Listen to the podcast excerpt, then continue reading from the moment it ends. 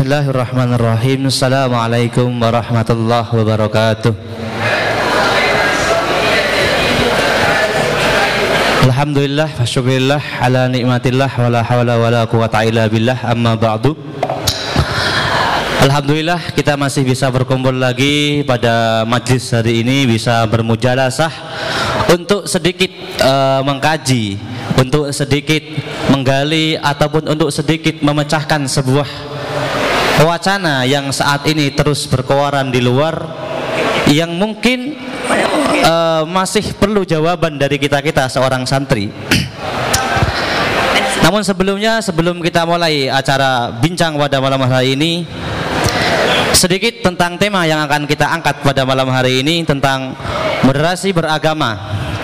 Sebuah kata yang entah kita ingin disebut sebagai teori atau sebuah konsep hidup tapi yang jelas moderasi beragama sekarang semakin ke sini semakin hari menjadi sebuah jargon yang terus membumbung tinggi ke permukaan. Bahkan sampai warung-warung kopi pun tidak lepas dengan tumpah ruah bincang tentang masalah moderasi. Yang terbaru moderasi beragama ingin dilakukan atau ingin dicanangkan sebagai sebuah kurikulum pendidikan baik di dunia formal ataupun dunia uh, pesantrenan. Lantas apa sih sebenarnya moderasi beragama dan apa yang menimbulkan keanehan sehingga banyak terjadi bikonta di antaranya? Sebenarnya kalau kita telisik moderasi beragama dari segi definisi tidak menimbulkan sedikit keanehan sama sekali. Cuma ketika kita melihat tataran praktek dan juga implementasi moderasi beragama baik dari aturan-aturan yang muncul kemudian wacana-wacana yang dicanangkan serta framing-framing yang muncul di dunia maya seakan memberikan pemahaman bahwa moderasi beragama menjadi ambigu. Dan juga tidak bisa kita pungkiri juga di dalam ajaran agama Islam ada beberapa sedikit ajaran-ajaran atau syariat-syariat yang menurut sebagian kalangan menginti meng, mengesankan bahwa ajaran agama Islam termasuk ajaran yang radikal atau intoleran. Lantas seperti apa sebenarnya moderasi beragama? Apakah benar moderasi beragama bisa menjadi solusi bagi kerukunan umat beragama di, di Indonesia? Atau malah sebaliknya moderasi beragama malah akan menjadi bom waktu yang bisa menghancurkan inti ajaran-ajaran agama Islam? Yang akhirnya yang dulunya berubah katanya menjadi moderasi beragama bergeser menjadi memoderasikan agama. Maka pertanyaan-pertanyaan itulah yang mungkin akan kita kaji dan akan kita temukan. Jawabannya dalam acara bincang akidah malam hari ini dengan judul moderasi beragama vis a vis radikalisme sebelum kita mulai acara bincang akidah pada malam hari ini ada beberapa peraturan yang ingin saya sampaikan mengenai uh, jalannya atau round of acara pada malam hari ini yang pertama, diskusi dan bincang yang akan kita lakukan pada malam hari ini dibagi menjadi dua sesi. Setiap sesi para delegasi yang telah diberi waktu oleh moderator diperbolehkan untuk menyimpulkan artikel maksimal 5 menit serta menjawab pertanyaan yang telah ditentukan. Fokus pada sesi pertama menjawab asilah A dan B. Fokus pada sesi pertama adalah asilah A dan B. Ketiga, bagi delegasi yang tidak terpilih diperkenankan memberikan tanggapan artikel serta jawaban delegasi terpilih sesuai arahan moderator. Empat, moderator berhak menghentikan presentasi apabila melebihi batas waktu yang telah ditentukan. Lima, moderator juga berhak memotong presentasi dari delegasi bila ditemukan bahasa ataupun pemahaman yang ambigu. Jadi nanti sistemnya ada tiga delegasi pertama yang mempresentasikan mempresentasikan artikelnya, kemudian tiga yang lain bisa menanggapi secara random. dan di sesi kedua delegasi yang di sesi pertama tidak terpilih bisa untuk mempresentasikan artikelnya sekaligus menjawab dan tiga yang lain bisa memberikan tanggapan secara random.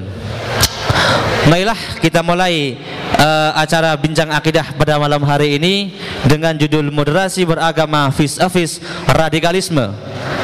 Namun sebelum itu bisa kita lihat video yang akan diputar oleh panitia.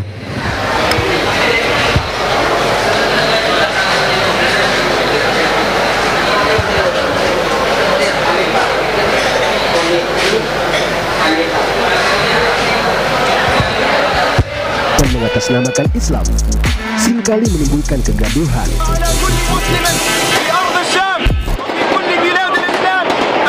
Imbasnya, nama luhur Islam menjadi tercemar, mulai dari dianggap sebagai intoleran, ekstrim, hingga radikal, sehingga muncullah wacana moderasi beragama. Sebagian kalangan menganggap bahwa moderasi beragama merupakan sebuah konsep yang menekankan sikap saling menghormati dan toleransi di antara umat beragama. Hanya saja, jika meninjau peraturan SKB 3 Menteri tentang atribut keagamaan dalam lingkungan pendidikan yang mengusung teori moderasi beragama serta praktik di lapangan tentang teori ini agaknya menyebabkan pengertian moderasi beragama menjadi ambigu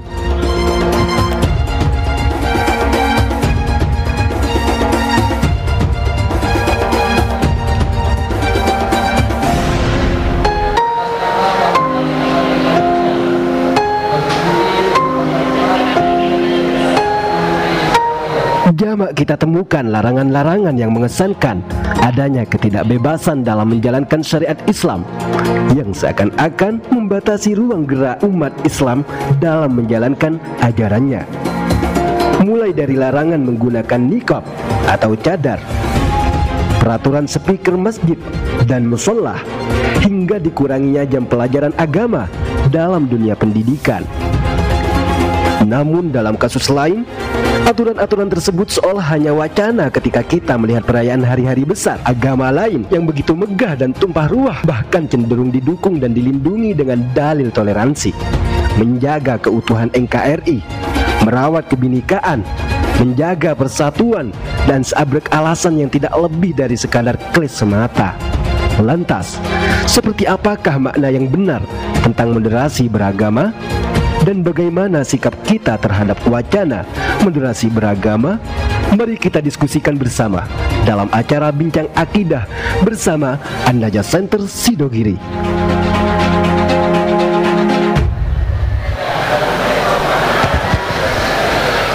Baiklah, Baiklah kita mulai acara Bincang Akidah pada malam hari ini dengan fokus di sesi pertama asilah yang pertama dan asilah yang kedua dari masing-masing delegasi.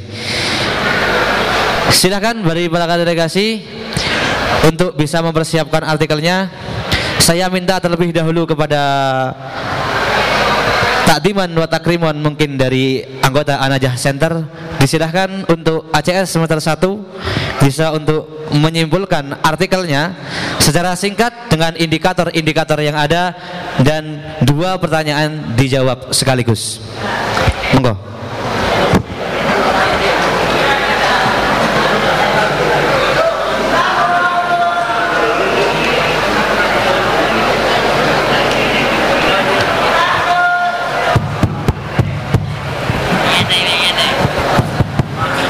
Bismillahirrahmanirrahim. Uh, terima kasih kepada moderator karena telah memilih kami sebagai pembicara pertama terkait masalah moderasi beragama ini. Uh, terkait masalah moderasi beragama ini, jadi kalau kita lihat fakta yang ada, tujuan dari moderasi beragama ini adalah Tujuan wacana moderasi agama ini ditujukan adalah kalau kita lihat fakta yang ada adalah untuk merealisasikan harmoni antara umat beragama.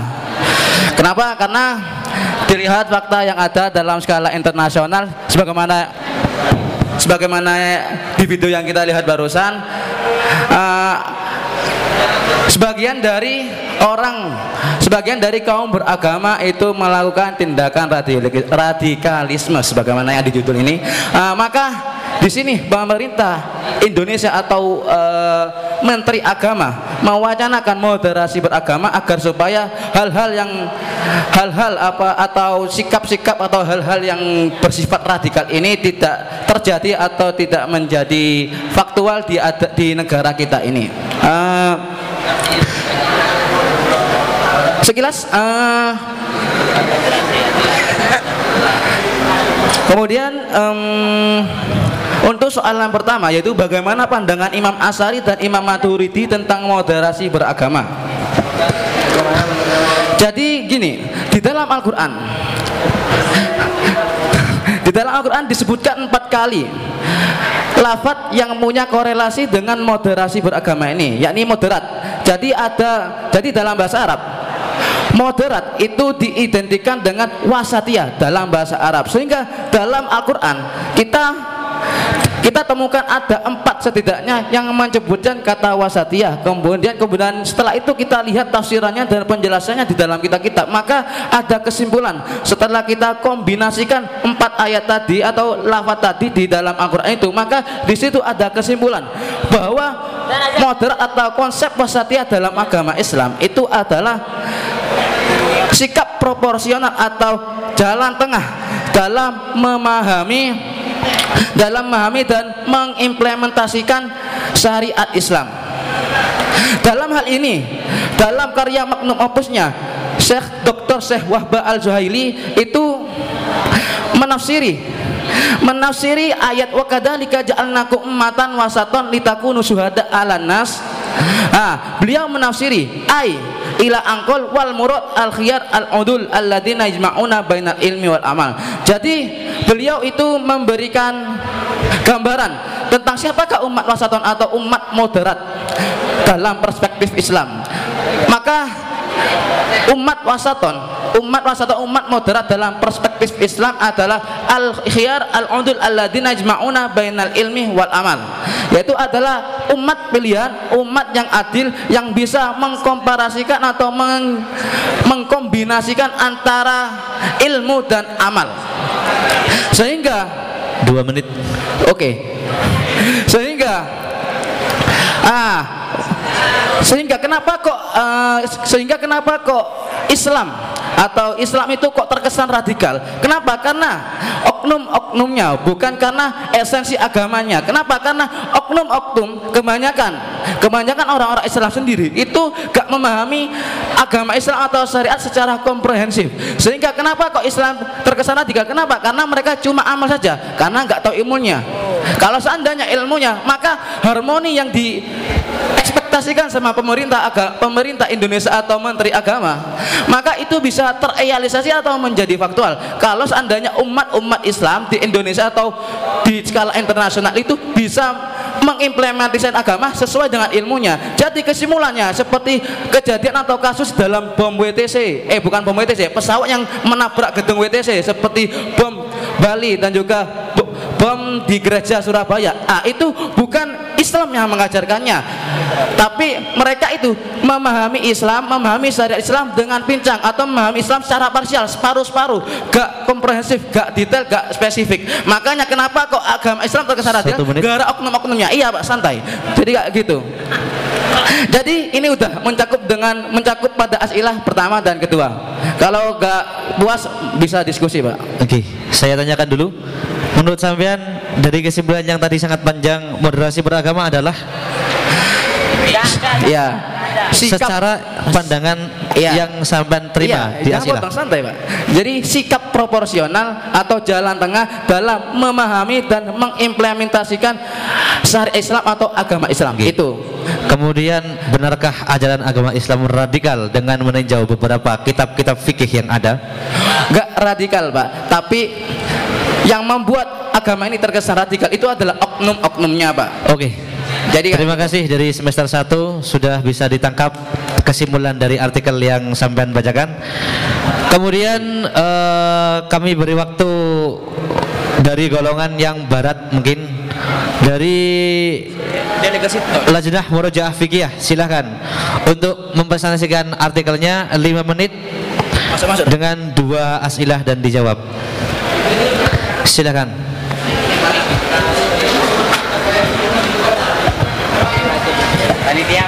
Cek.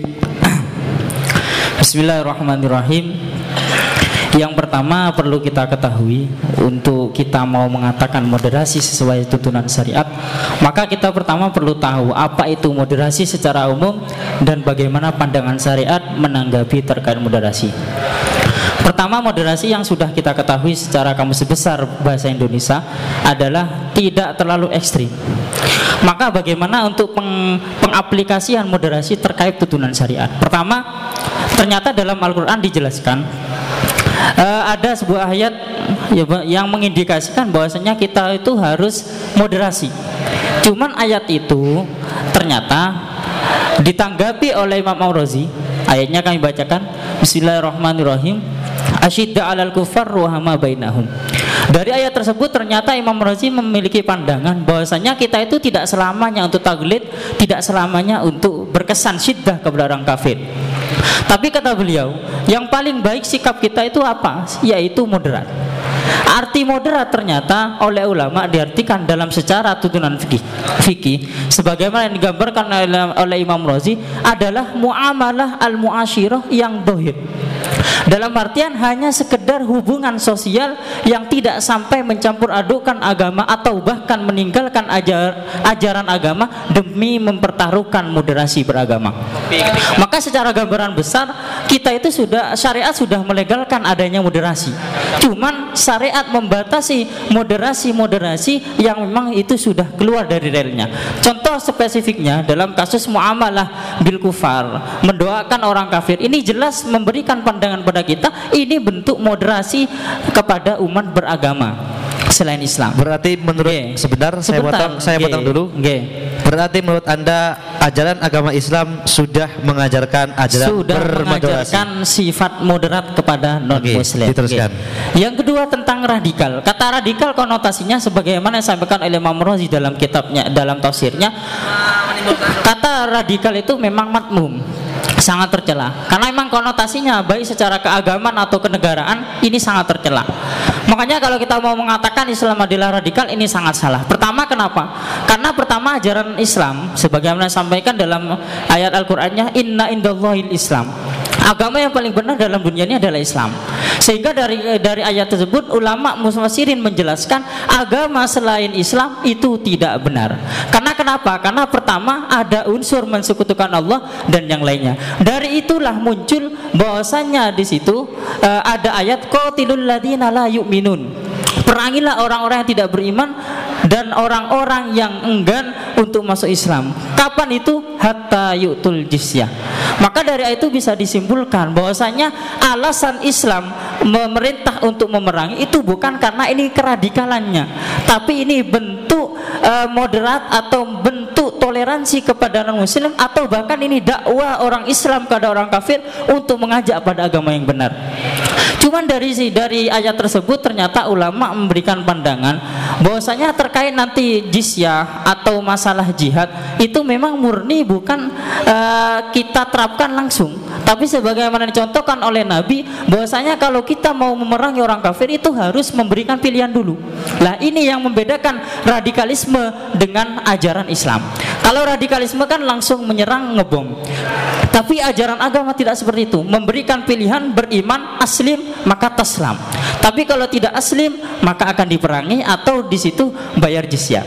Yang kedua terkait masalah nanti ada membaab. Yang kedua terkait masalah mencuri hartanya orang kafir harbi sebagaimana disampaikan oleh Syekh Taifur Ali Wafa dalam kitabnya Bulghatul Tulab juga disampaikan dalam Quratul N-nya bahwasanya kafir yang ada di Indonesia adalah kafir harbi sehingga harta, darah dan keluarganya itu halal karena kenapa? pertama orang kafir harbi itu sudah keluar dari hukukullah Hukukullah apa? Yaitu kembali pada agama Islam. Sehingga ketika sudah keluar dari hukumullah, maka jelas ini boleh atau halal darah dan hartanya. Maka dari situ bisa disimpulkan Islam bukanlah Satu agama menit. yang radikal, tapi Islam adalah agama yang rahmatan lil alamin. Buktinya apa? Buktinya Islam mengajak kepada orang kafir untuk kembali pada ajaran yang benar seperti itu.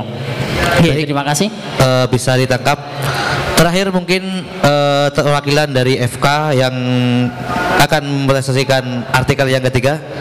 Kami persilahkan dari FK Usul Fikih untuk bisa mempresentasikan artikelnya dengan judul artikel Bagaimana penerapan moderasi beragama ketika dihadapkan dengan asyidda'u alal kufar Sebelumnya eh, kepada selain delegasi yang sudah ditunjuk nanti untuk sesi tanggapan artikel dan juga jawaban bisa untuk mengangkat pelakat masing-masing.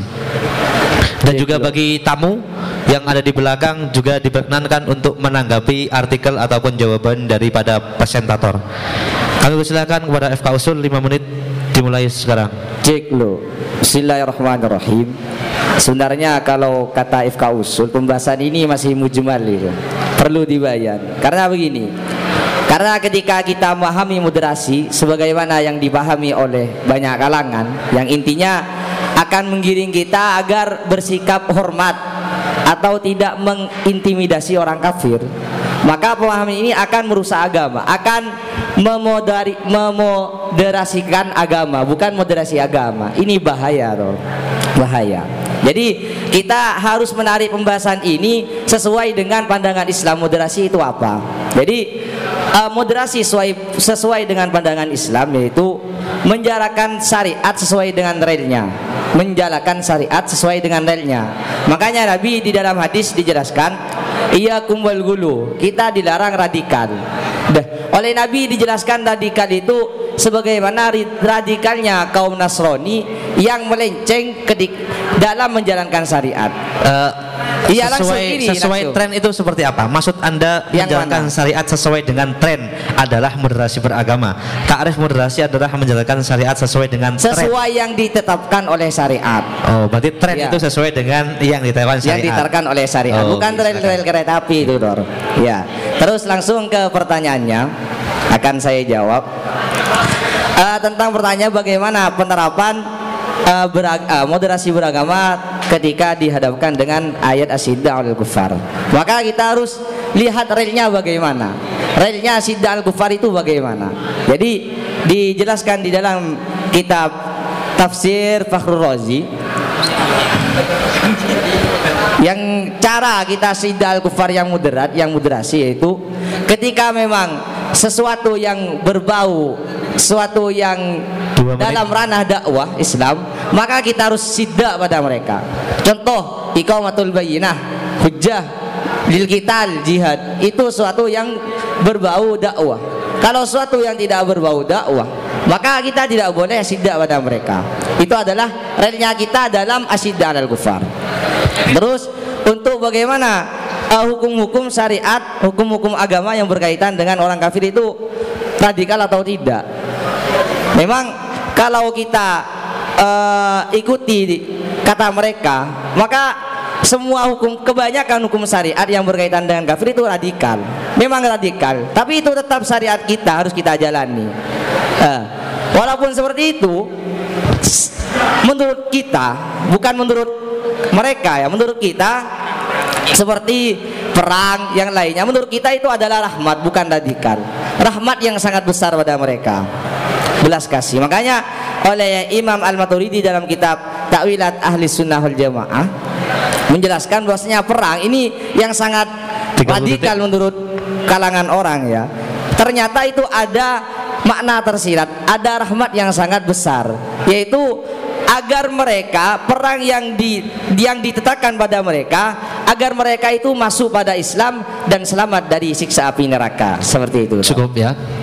Karena sudah melebihi waktu, saya simpulkan dulu dari FK Usul yang cukup unik. Di awal FK Usul berbeda dengan yang tadi disampaikan oleh anaknya yaitu dari Rajnah Murojaah Fikih Murojaah mengatakan bahwa moderasi sudah menjadi ajaran inti Islam, bahwa agama Islam sudah mengajarkan moderasi dengan catatan-catatan tertentu.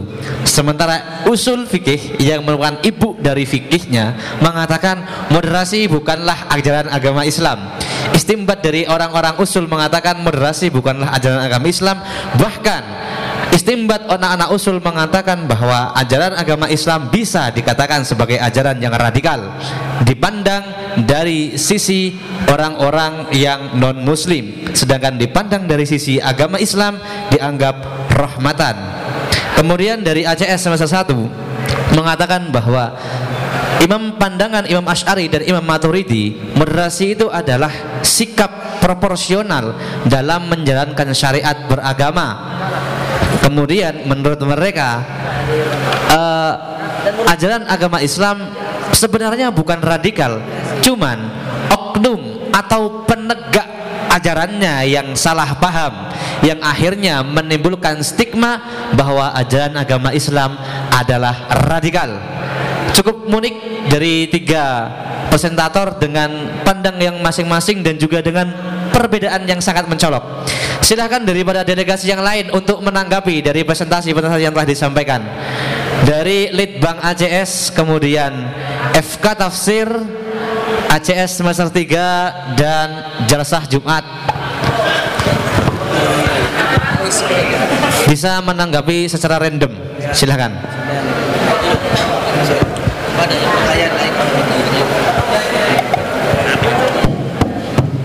Cik, Bismillahirrahmanirrahim. Terima kasih waktunya moderator. Jadi eh, permasalahan kita pada malam hari ini mengenai moderasi beragama. Ini kami dari Mujib dari tiga sang Mujib tadi ini banyak keiskalan sekali. Pertama dari Mujib pertama dari ACS pertama pertanyaannya jawabannya tidak sesuai dengan pertanyaan. Pertanyaannya adalah bagaimana pandangan Imam Masyari dan Maturidi tentang bagaimana pendapat Imam Masyari bagaimana Imam Maturidi. Seharusnya seperti itu. Kemudian yang kedua mengenai dari LMF yang seakan-akan ajaran Islam itu ajaran yang rahmat. Kita ketahui bahwasanya banyak hadis-hadis menjelaskan tentang uh, saya contohkan satu saja mengenai ketika kita berjumpa dengan non muslim maka gimana? Fatarruhu ila atyakihi saya bacakan hadisnya. La tabda'ul yahuda walan nasara bisalami. Fa idza laqitum ahadahum fi tariqin fatarruhu ila atyakihi ini seakan-akan mempersempit seakan-akan tidak toleran seakan-akan tidak toleran terhadap non muslim sendiri. Seperti itu. Begitu juga banyak ajaran-ajaran yang lainnya. Kami ini selanjutnya. Satu Bismillahirrahmanirrahim. Ituratan kami sebetulnya ke tiga-tiga mujib ya. Cuman kami rangkas ke usul fikih dan ke mana lagi? Semuanya wis. Uh, ituratannya sama tentang jawaban singkat, dari pertanyaan kedua singkat jelas tentang, padat ya. Singkat jelas padat satu menit. Oke. Okay. uh, eh, gini dalam sebetulnya sangat banyak ya ajaran-ajaran Islam yang perlu kita kaji ulang kalau itu tidak dikatakan radikal. Saya ambil contoh orang Islam itu tidak boleh mengucapkan salam kepada orang kafir. Ketika mereka mulai duluan maka jawabannya adalah waalaikum. Kita tahu itu uh, bagi kita itu adalah sebuah jawaban yang mendoakan jelek kepada mereka. Itu yang pertama. Yang kedua tentang jizyah, tentang pajak kepada orang kafir. Orang kafir ketika berada di negara kita wajib membayar pajak. Itu kan bentuk uh, pengucilan kepada mereka. Bahkan dalam salah satu aturannya dan ketika membayar pajak orang kafir itu tidak boleh sampai berdiri. Mereka harus merangkak dan ya. dia pokoknya tidak boleh seperti itu. Sudah? Karena waktunya sudah selesai. Bisa diteruskan ke FK Tafsir, silakan. Cek. Bismillahirrahmanirrahim. Terima kasih atas waktunya Bapak moderator kayaknya memang dari semua sudut pandang membawa Al-Quran atau tafsir dari Al-Quran itu sendiri. Jadi kayaknya tidak lari kepada akidah. Makanya ini paling tepat yang diangkat adalah tafsir. Terima kasih atas waktunya. Yang akan kami sampaikan adalah tiga menit ya. Ya Bismillahirrahmanirrahim. Pertama adalah uh, bukan hanya oknum tapi memang syariat dalam Islam itu perlu ditampilkan bahwasanya ada syariat jihad dan jihad atau uh, jihad itu kital. Itu ada hilaf tentang masalah ilat kitalnya. Ada yang mengatakan hirobah ada yang mengatakan kotel. Nah itu juga juga dimaknai radikal. Karena itu memang secara dohiriyah itu sangat radikal. Karena perang itu syariat Islam kita Jika ini tidak dikatakan radikal, eh, bagaimana kan seperti itu? Kemudian yang kedua ada lagi ayat yang disampaikan yang ada dalam Al-Qur'an. Ya ayyuhalladzina amanu innamal musyrikuuna najasun fala yaqrabul masjidal haram ba'da amihim hada wa in khiftum 'ailatan fasawfa yughnikumullahu min fadli. Jadi ayat ini sangat secara dohir itu sangat radikal karena melarang orang-orang Islam eh, orang-orang musyrik, orang-orang kafir masuk ke dalam eh, masjid haram atau tanah haram. Ini sangat radikal. Makanya perlu disampaikan bagaimana kita menyi- menyikapi syariat Islam yang yang seakan-akan seca- secara dohir itu adalah radikal. Perlu disampaikan seperti itu. Terima kasih. Tambahan. Satu menit terakhir. Ya, Bismillahirrahmanirrahim. Singkat pada jelas. Yang kami ingin tanyakan kepada FK Usul yang tadi mengatakan bahwasanya ajaran kita itu sebenarnya memang radikal kalau dipandang dari sisi non muslim sendiri. Tapi coba kita perhatikan betapa banyak ayat yang mengatakan bahwasanya memang moderasi beragama itu harus terjadi.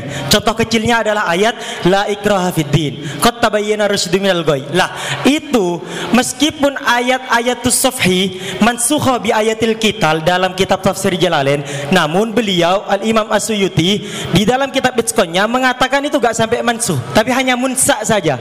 Jadi ayat ini adalah munsa sehingga konsekuensinya kapan? Ayat ini tetap harus diamalkan cuma melihat kondisi.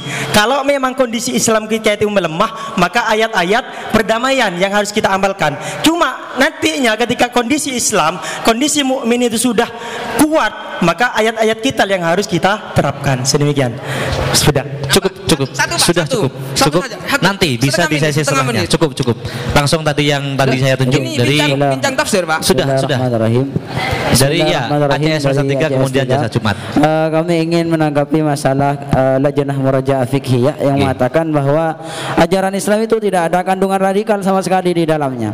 Padahal kalau kita lihat lebih dalam banyak sekali dan muara dari ayat-ayat dari Arab Al-Qur'an itu puncaknya adalah waqatilul musyrikina kafatan kama yuqatilunakum kafah. Itu kata ulama Syekh Wahbah Zuhaili menjelaskan di situ bahwa puncak seluruh ayat di ayat kita di depan jizyah dan semacamnya itu puncaknya adalah qatilul musyrikina kafah. Semua orang musyrik harus diperangi, harus di apa dihancurkan seperti itu.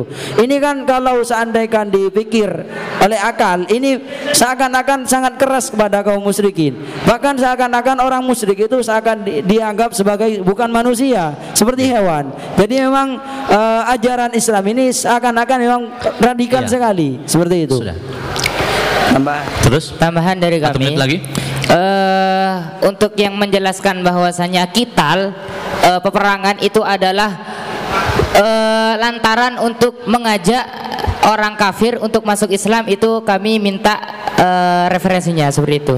Sudah semuanya. Berarti hanya minta ya. Ya, terakhir dari jasa Jumat tadi yang di belakang. Silakan mic-nya bisa dibagi dulu, dilemparkan ke belakang. Cek cek loh. Bismillahirrahmanirrahim. Eh, pertama kami itro kepada ACS semester 1. Ini kan pertanyaannya adalah tentang pandangan Imam Aswada mengenai moderasi beragama. Tadi dari semester 1 ini cuman menjelaskan secara takrifnya saja, bukan tanpa menyinggung pandangan para-para Imam Aswaja. Ini masih belum menjawab. Berarti Dan kedua, belum. Kedua tentang tak apa tafsiran dibawa oleh oleh mereka tentang apa tafsirannya Syekh Wahbah Zuhaili di kitabnya Awal Murad Al Khiyar Al Adul Al Udul Alladzina jama'una bin ilmi wal amal. Mereka mengarahkan kepada takrif moderasi. Itu salah. Ini pemahaman yang sangat salah karena Al Khiyar Al Udul itu orang-orang terpilih yang mana juga adil yang menjamu ilmu dan amal. Ini sebagaimana contoh seperti apa ke umat terbaik yaitu seperti sahabat yang mengapa ini belum nyampe pada takrifnya apa tidak mengena ke narifi apa ke tarif moderasi agama mereka kan mengatakan tadi menarifi moderasi dengan ayat ini sangat sangat tidak masuk Bukan hanya ayat itu, mengkombinasikan beberapa ayat. Iya, karena tidak ada yang masuk dari semua ayat itu. Karena tarifnya tafsirnya juga salah, di bawah salah juga gitu. Ya. Ketiga kepada LF eh, LF LMF tadi, mohon maaf Tor, ini kak cekak Tor ya. Ini kan mengatakan ini kan radikal, tidak dikatakan radikal, menurut agama kita karena itu juga sebuah ajaran kita yaitu bahkan rahmat untuk memerangi mereka karena ada suatu yang ya itu tar ya ini Ya. sangat salah seharusnya menurut pandang kami 30 detik Menang kami dalam masalah dalam agama kita ketika ada orang kufar di jalan maka kita meng, menyem, apa mempersempit jalan mereka. Nah ini sangat radikal Tor. Karena apa? Karena terlalu berlebihan seharusnya kalau ingin mengajak mereka itu yang sedengan, itidal, tidak harus harus me, apa mempersempit jalan ini. Iya sudah cukup Ya, itu bisa ya. ditangkap ada beberapa sanggahan yang disampaikan oleh teman-teman delegasi yang lain. Namun sanggahan yang paling banyak menuju kepada murojaah yang tadi mendeskripsikan bahwa ajaran agama Islam tidak tidak radikal dan juga bahkan ajaran agama Islam rahmatan lil alamin dari ACS ada dua tanggapan dan juga dari FK Usul ada dua tanggapan. Mungkin kita ke murojaah dulu, silahkan ditanggapi. Ketika Anda mengatakan bahwa eh, ajaran agama Islam tidak bisa dikatakan radikal, bagaimana tanggapan Anda ketika dihadapkan ajaran-ajaran itu seperti jizyah yang jelas di situ ada buntutnya ketika seseorang sudah membayar jizyah maka selain ada kewajiban dia bayar dia juga punya kewajiban. Bangunan rumahnya tidak boleh tinggi tidak boleh pakaiannya lebih bagus bahkan kendaraannya pun tidak boleh lebih bagus. Dalam kasus lain dalam hak hukukul mustarokah orang Islam ketika bertemu di jalan-jalan umum yang notabene jalan umum itu adalah hak-hak umum yang semua orang berhak untuk memanfaatkan. Boleh ternyata orang Islam itu me- menyingkirkan atau mengalahkan orang kafir yang berjalan. Ini kan sebuah bentuk intimidasi. Bagaimana ketika sampai menanggapi ini? Seakan-akan ini kan sudah menjadi bentuk keradikalan ajaran agama Islam. Silakan ditanggapi satu menit. Bismillahirrahmanirrahim. Pertama eh, perlu kita ketahui dalam masalah jizyah. Munculnya jizyah itu memang pertama eh, perlu kita ketahui pertama memang dalam agama itu tidak ada unsur paksaan sebagaimana dalam ayat la ikrah fiddin. Cuman ternyata oleh ulama ayat la ikrah fiddin itu dinusah eh, dengan ayat kital. Lalu dengan ayat kita itu ulama menanggapi bahwasanya ketika memang yang dikatakan agama yang benar adalah agama Islam, maka seharusnya agama selain Islam adalah agama yang batil. Maka dari situlah kita punya kewajiban untuk mengajak mereka kepada jalan yang benar. Cara Islam untuk mengajak mereka ada dua cara. Pertama, dia mau beriman atau mau membayar jizyah. Kalau memang tidak mau kedua-duanya, maka kan dia dicap sebagai kafir harbi. Sebagaimana eh, yang kami jelaskan di awal, bahasanya ketika kafir harbi boleh untuk diambil Sebentar. hartanya yang untuk diminta lainnya dari dari yang lain Nggih. buntut dari jizyah itu sendiri kemudian praktek-praktek yang lain usah makanya memanjang. kami rentet dari awal agar dari Waktunya peserta ini tidak ada yang salah paham. Iya, langsung. Makanya jangan diambil esensi jizyahnya, peraturan jizyah, tapi diambil roh daripada penerapan jizyah itu. Karena pertama munculnya jizyah karena memang berangkat dari situ di situ adalah bentuk eh, toleransi atau bentuk rahmat orang Islam pada orang kafir yang hidup di Daulatul Islam. Maka gimana? Maka pertama kalau sampean tidak beriman maka bayar jizyah. Maka ketika dia tuh bayar jizyah, maka Jangan semua diulangi, buntutnya Nggih. saja.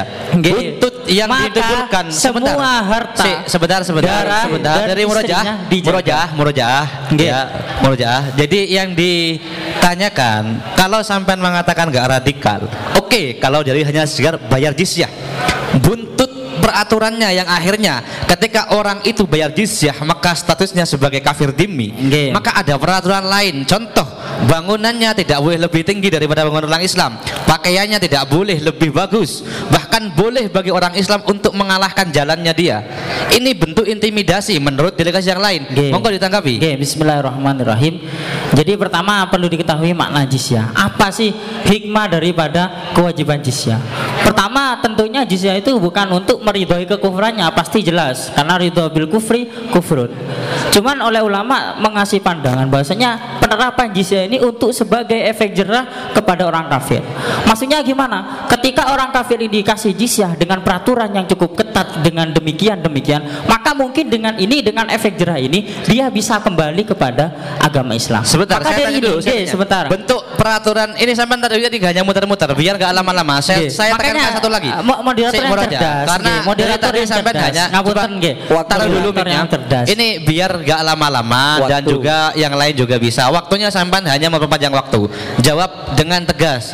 Gimana sampan menanggapi buntut dari peraturan jizya itu sendiri? Makanya itu saya rentet dari awal. Jizya Nggak usah dari awal, apa? langsung disebutkan. Oke. Apa alasannya? Jizya itu kan untuk sebagai efek jerah kepada orang kafir agar dia itu kembali pada agama Islam.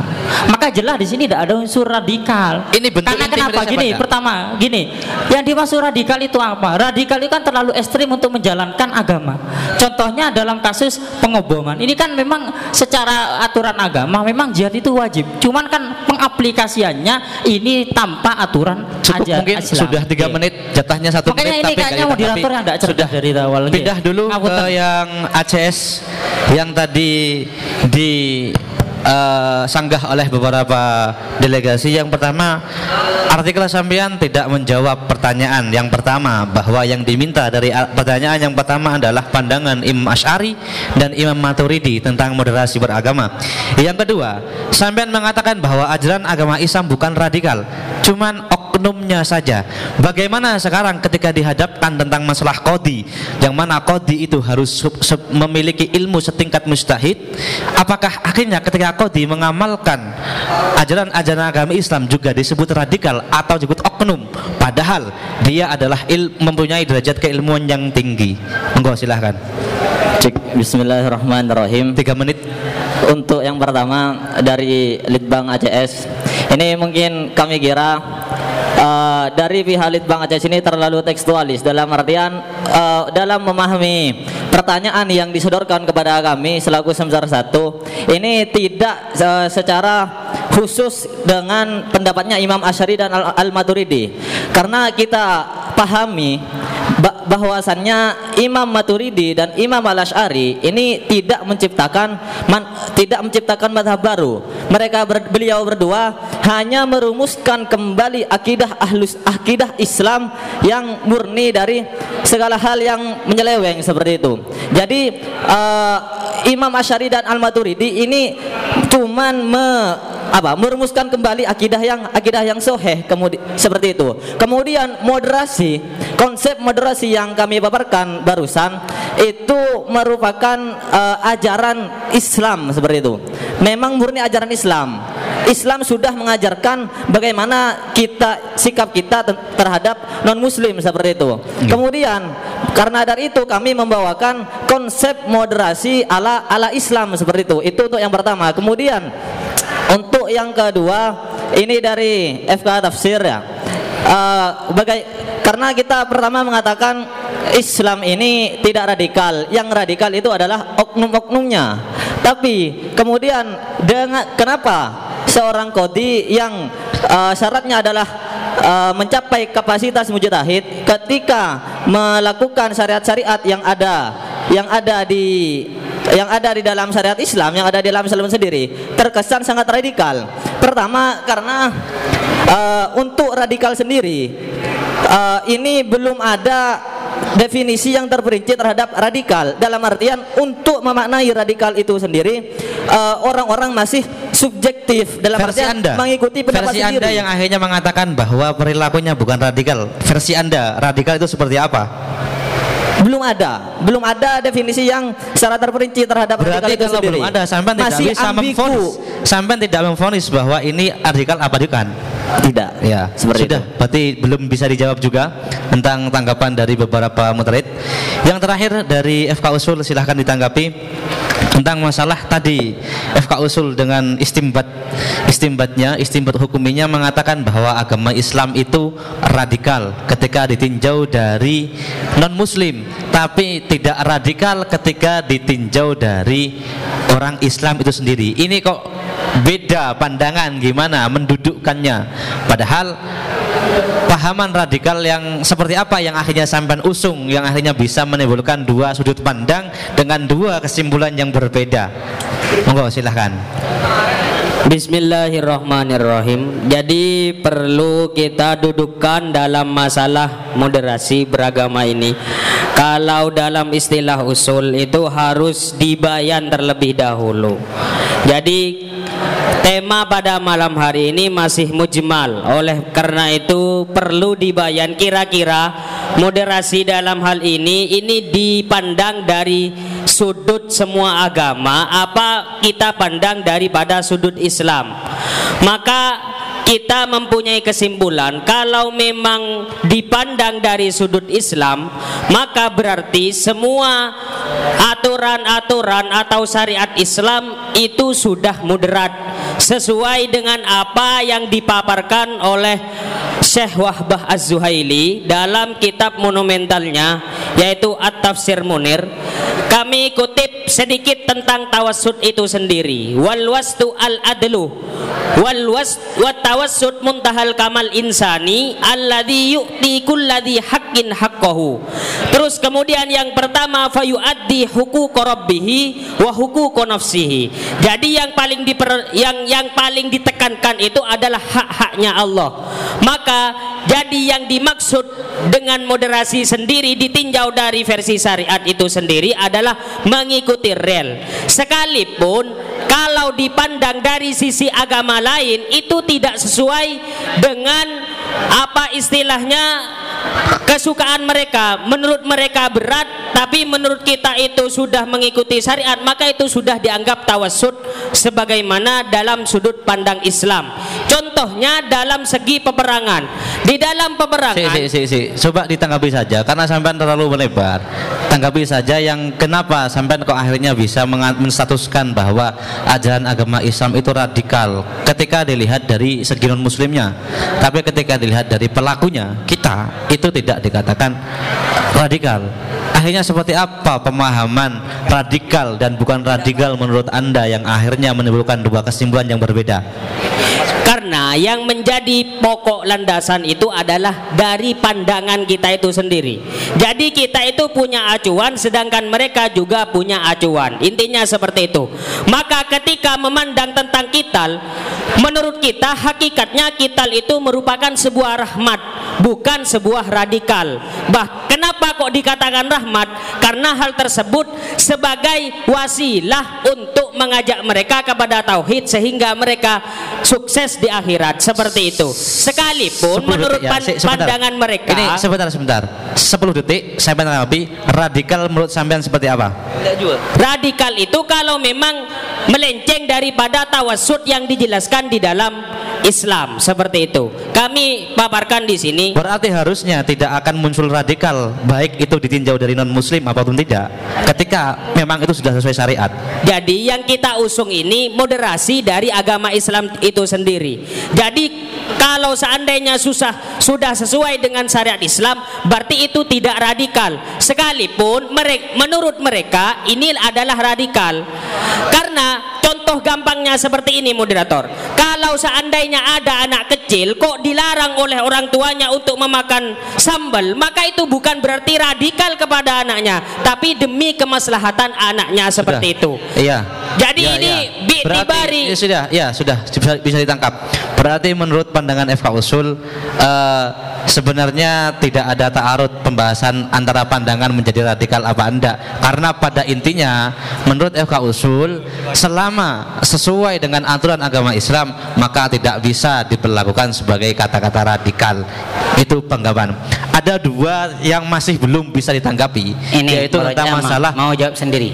LMF diturunkan dulu mic-nya. FM, LMF turunkan dulu karena belum waktunya. Ada dua yang masih belum ditanggapi dan mungkin kita simpan dulu. Atau mungkin ada dari simpatisan yang di belakang untuk bisa menanggapi buntut peraturan. Ini dari LMF mau Sudah jawab sendiri. dari LMF diturunkan dari- dulu, diturunkan dulu, diturunkan dulu murojaah. Yang lain ada yang mau jawab. Murojaah diturunkan, murojaah diturunkan.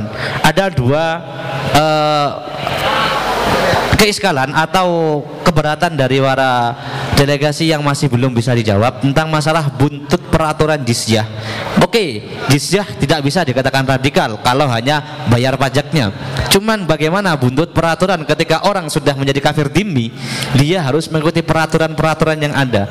Apakah ini bukan bentuk intimidasi? Ini kan Monggo pertanyaannya- silahkan dari ini kan ACS semester ke 1 yang di belakang. Saya jawab sendiri, LMF, enggak usah yang turun, turunkan, Nggih. turun, turunkan, turunkan. ACS semester 1 sama Moderator acara FK Tafsir, silahkan.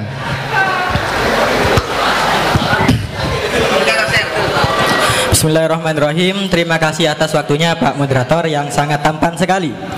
Jadi begini Pak Moderator, mengenai buntut-buntut yang itu terkesan memojokkan kepada orang kafir, tetap itu bukanlah radikal.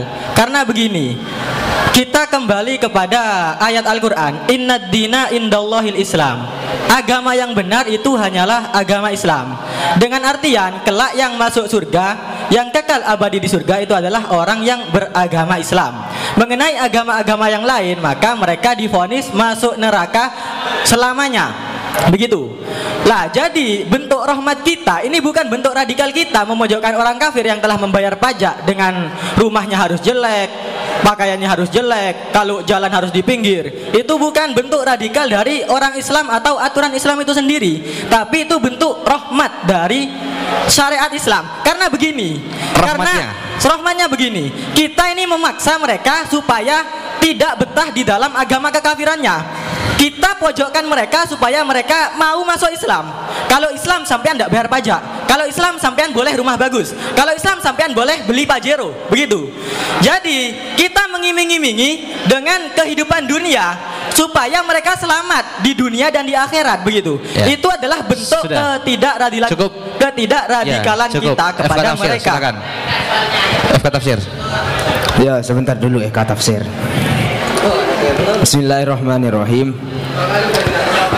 Eh, terima kasih sebelumnya waktunya Pak Moderator. Jadi kalau kita angan-angan dulu bahwasanya buntut-buntut dari jizyah itu memang bukan dari termasuk dari radikalisme.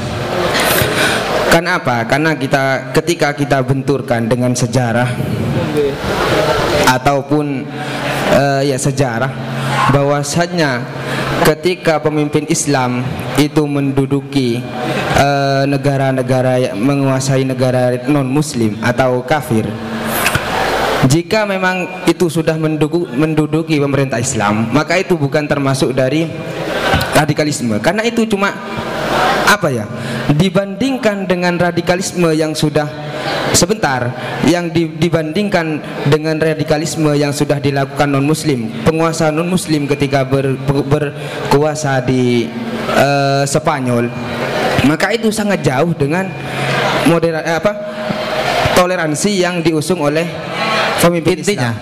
Lah, jadi sebentar yang di belakang diam saja dulu. Jadi Ayo, 30 detik, 30 detik, selesaikan. Ya, tak marah cari pembahasan moderasi pas beri waktu 30 detik. Ayo, cepat. Iya, sebentar dulu. Singkat, Jadi padat.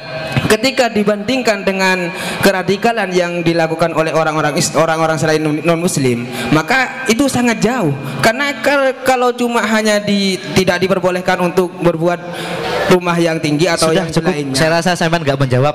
Satu tambahan, satu tambahan dari dari dari simpatisan, dari simpatisan. Saya ingin dari simpatisan. Eh, Litbang ACS, Litbang ACS, silakan belakang. Terakhir ya, satu tanggapan saja, satu tanggapan.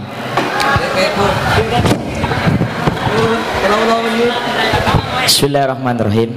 Sebenarnya mengenai buntut-buntut dari itiratan yang ada tadi mengenai buntut-buntut jizyah itu sudah terjawab daripada FK usul.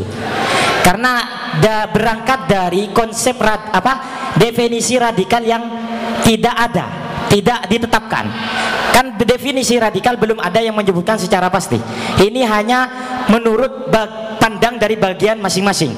Nah, dari itu ketika kita memasukkan ke dan ini menggabungkan dari pendapatnya LMF tadi mengenai moderasi Islam sangat melegalkan ya ini sangat tidak bertolak belakang dengan usul karena memang dalam Islam sendiri peraturan-peraturan dalam Islam sendiri itu sesuai jadi sesuai gak ada kata radikal timbulnya pendapat ini buntut-buntut dari jizya ini dikatakan radikal itu bukan dari Islam, tapi dari luar Islam. Jelas. Karena kalau dari Islam sendiri sebagaimana perumpamaan yang dicontohkan Esul Fikih tadi akhirnya mengenai sampai sambel yang Ya, ya, dimakan sudah. anak itu. Sudah. Jadi sudah. jelas. Oke, sudah, ya, Ya, sudah. bisa dipahami Sama ya? saja nggak nanggapi sampai akhirnya. Sudah, turunkan. Karena Ini- sampai juga akhirnya Terakhir, Tor. ada definisi yang Langsung paten sohe, tentang masalah radikal. Akhirnya taslim. siapa yang nggak usah pegang mic, nggak usah pegang mic. Mungkin Bukan. sudah, sudah, sudah, sudah, sudah ya. Eh, dari delegasi ada yang mau jawab lagi? Menanggapi yang masalah buntut jizyah yang sampai ta- yang dari tadi belum terpecahkan. Belakang belakang ini. Tambahan dari FK Tafsir tadi. Iya, ini. Dari Ya, coba ini. Ridbang ACS, silahkan. FK usul.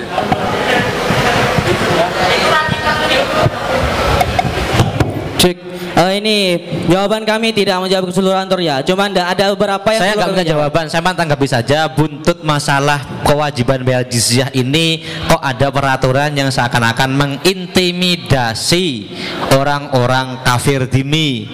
Apakah ini bukan ajaran yang intoleran? menanggapi kan ya? Iya, tanggapi ini saja, nggak usah lama-lama. Satu menit. Bismillahirrahmanirrahim. Ini kan gini, eh, untuk tadi itirotan yang telah dibacakan bahwa kita itu tidak boleh ketika ketika bertemu dengan orang orang orang Yahudi kita harus mepet itu ya. Itu ternyata eh, pendapat dari Syekh Qardawi konteks hadis itu adalah konteks di mana kondisi perangan itu sangat eh, memuncak. Konteks la tabdul yahuda wan nasara bisalam fa idza laqaitum ahadahum fat- fattaruhu ila tariqin itu. Itu ternyata konteks konteks dalam eh, dalam peperangan. Gak menjawab Artinya itu, Dor. Gak menjawab. ketika kondisi aman-aman saja itu tidak seperti itu. Sudah. Sebentar, sebentar, sebentar. Di nas-nas kita fikih sampai nanggapi coba yang di nas-nas kita fikih itu juga terdapat pembahasan kafir dimi itu boleh dipepet ketika bertemu di jalan ini apakah bukan bentuk ajaran intimidasi Iya, di nas-nas kita fikih itu kan sesuai dengan hadis. Ternyata ketika dikaji dari hadisnya, hadis itu dalam konteks sudah cukup. Dari itu. itu bang. Mungkin eh, dari panitia ini langsung ke sesi kedua apa langsung ke, ke pembahasan yang setelahnya? Dilanjutkan. Oke. Silahkan eh, saya kembalikan ke yang tadi di paparkan artikelnya dari Rajah Mujaah silahkan. Moderator, moderator. silahkan di, dari diseling video dulu.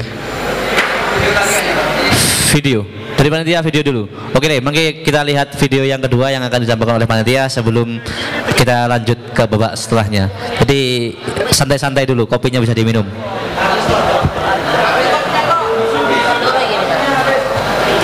berkembang untuk penekanannya kepada toleransi, toleransi, toleransi. Betul nggak? Intoleran, toleran. Saya tidak butuh toleransi kok. Yang saya butuhkan adalah kesetaraan, bukan toleransi. Toleransi itu hanya menyembunyikan kebencian kok. Dan toleransi adalah proses dialog. Proses dari pertarungan antar berbagai budaya dan kepentingan di mana ketika mayoritas itu mentolerir terhadap minoritas akan keberadaannya kebebasan. Itu toleransi itu diberi oleh mayoritas kepada minoritas. Dan minoritas merasa berhutang budi kepada mayoritas. Itu toleransi. Saya tidak menginginkan ada orang yang berhutang budi kepada siapa pun. Kecuali kepada kesetaraan undang-undang itu. Itu yang abadi. Iya. Dan walau bagaimanapun ini sifat mayoritas. Itu selalu arogan di mana-mana makanya yang perlu adalah ditegakkan supremasi hukum berdasarkan kesetaraan. Kita sebagai warga negara Republik Indonesia harus punya kesetaraan. Dan Islam nanti yang yang kita usung bersama adalah bukan rincian hukum-hukumnya tapi ide besarnya hanya dua supremasi hukum dan keadilan sosial itu aja kira-kira. Jadi nanti moderasi beragama itu bukan berarti kita ke gereja bareng-bareng bukan. Ya artinya kesetaraan. Siapa pun warga negara Indonesia KTP-nya Indonesia dia berhak untuk meyakini apa pun yang dia yakini. Dia berhak menjalankan agamanya sesuai dengan keyakinannya. Dan kita tidak boleh mengganggu mereka. Iya dong. Bukan karena toleransi karena ada supremasi hukum berdasarkan kesetaraan semacam itu yang akan bisa menjamin ketuhan keutuhan negeri kita ini.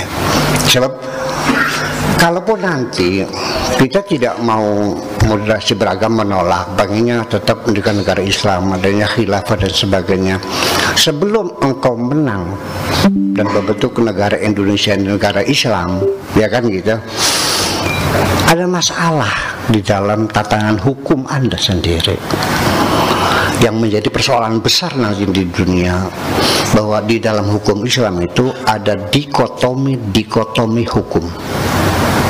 Tidak bisa kesetaraan berlaku karena antara budak dan orang merdeka hukumnya beda dalam Islam. Kalau kita membunuh membunuh orang merdeka kita kena kisos tapi yang kita kalau kita bunuh budak rakyat tidak ada kisos itu hukum Islam. Silakan dibaca lagi fikirnya betul nggak? Antara muslim dan muslim hukumnya beda. Betul nggak? Kalau kita bebas sudah negara kita. Kalau non muslim hayur harus bayar jizyah. Hatta yu'tul jizyata an yadin fahum saghirun. Bayar pajak khusus keamanan jadi mereka kita lindungi Nah, seperti itu negaranya. Nanti laki dan perempuan hukumnya beda nggak? Beda nggak hukumnya? Bapak mati, laki-laki dapat berapa warisannya? Laki-laki perempuan yang berjasa membantu orang tua ekonomi keluarga. Anak laki atau perempuan? Yang ngasuh adik-adik siapa? Anak perempuan. Yang masak? Yang ngepel? Nyetrika? Anak laki-lakinya ke mana? Nih main-main dapat dua loh. Ini babak belur dapat satu. Saya tidak mengatakan Islam tidak adil. Ya, Allah pasti adil. Kita yang tidak adil. Ketidakadilan dari diri kita sendiri. Ya itu. Laki-laki pengen diistimewakan. Ya kenapa? Kalau di Arab itu adil karena di sana perempuan tidak diberi peran apa pun di rumah dikunci. Mau sholat berjamaah saja harus minta izin sama suaminya. Yuk dibaca lagi fikihnya. Betul nggak? Naik mobil nggak boleh, naik motor nggak boleh, keluar rumah nggak boleh dengan muhrimnya. Ya, pengusaha nggak boleh. Jadi bupati nggak boleh, presiden nggak boleh, ada jalur komun ada nisa. Ditutup perempuan peluang-peluang kesempatan untuk mendapatkan kebahagiaan itu ditutup. Semuanya di bawah kontrol laki-laki semuanya itu. Betul nggak gitu? Beda kan? Itu selesaikan dulu persoalannya. Iya. Dulu Saudi membebaskan perbudakan tahun 1960 ya, atas desakan Amerika supaya dapat bantuan ekonomi, bantuan persenjataan. Di demo juga oleh masyarakatnya negara kafir, togut sebagainya. Kenapa melarang sesuatu yang tidak dilarang Tuhan? Artinya mereka menolak larangan perbudakan karena dalam Islam tidak dilarang. Coba mikir nggak? Apa betul Tuhan memperbolehkan perbudakan? Manusia dijual. Ini persoalan silakan kita buktikan dulu. Kita diskusikan dulu apa yang kau inginkan. Khilafah ayo silakan kita bicarakan. Seperti apa contohnya? Sampai sekarang mereka belum bisa memberikan contohnya yang jelas kok. Betul nggak? Khilafah-khilafah yang khali, uh, khilafah rasyidah itu kan pemikiran manusia. Iya jadi artinya ya Abu Bakarnya mati diracun, Abu eh, Abu Bakar diracun, Umarnya mati ditusuk, Usman mati dibacok, Ali mati digebugin, anaknya mati dicembelet, kepalanya buat bal-balan. Mau khilafah seperti itu? Saya kasih contohnya negara khilafah yang telah membuktikan kemakmuran untuk kesejahteraan bagi manusia. Yuk kita kita bicarakan persoalan. Gitu. Jadi jangan melempar barang masih mentah gitu.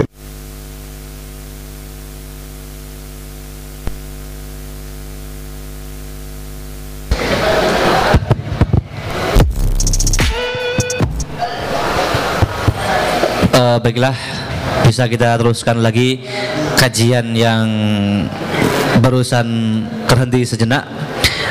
Saya minta satu tanggapan terakhir sebelum kita pindah ke asilah yang terakhir.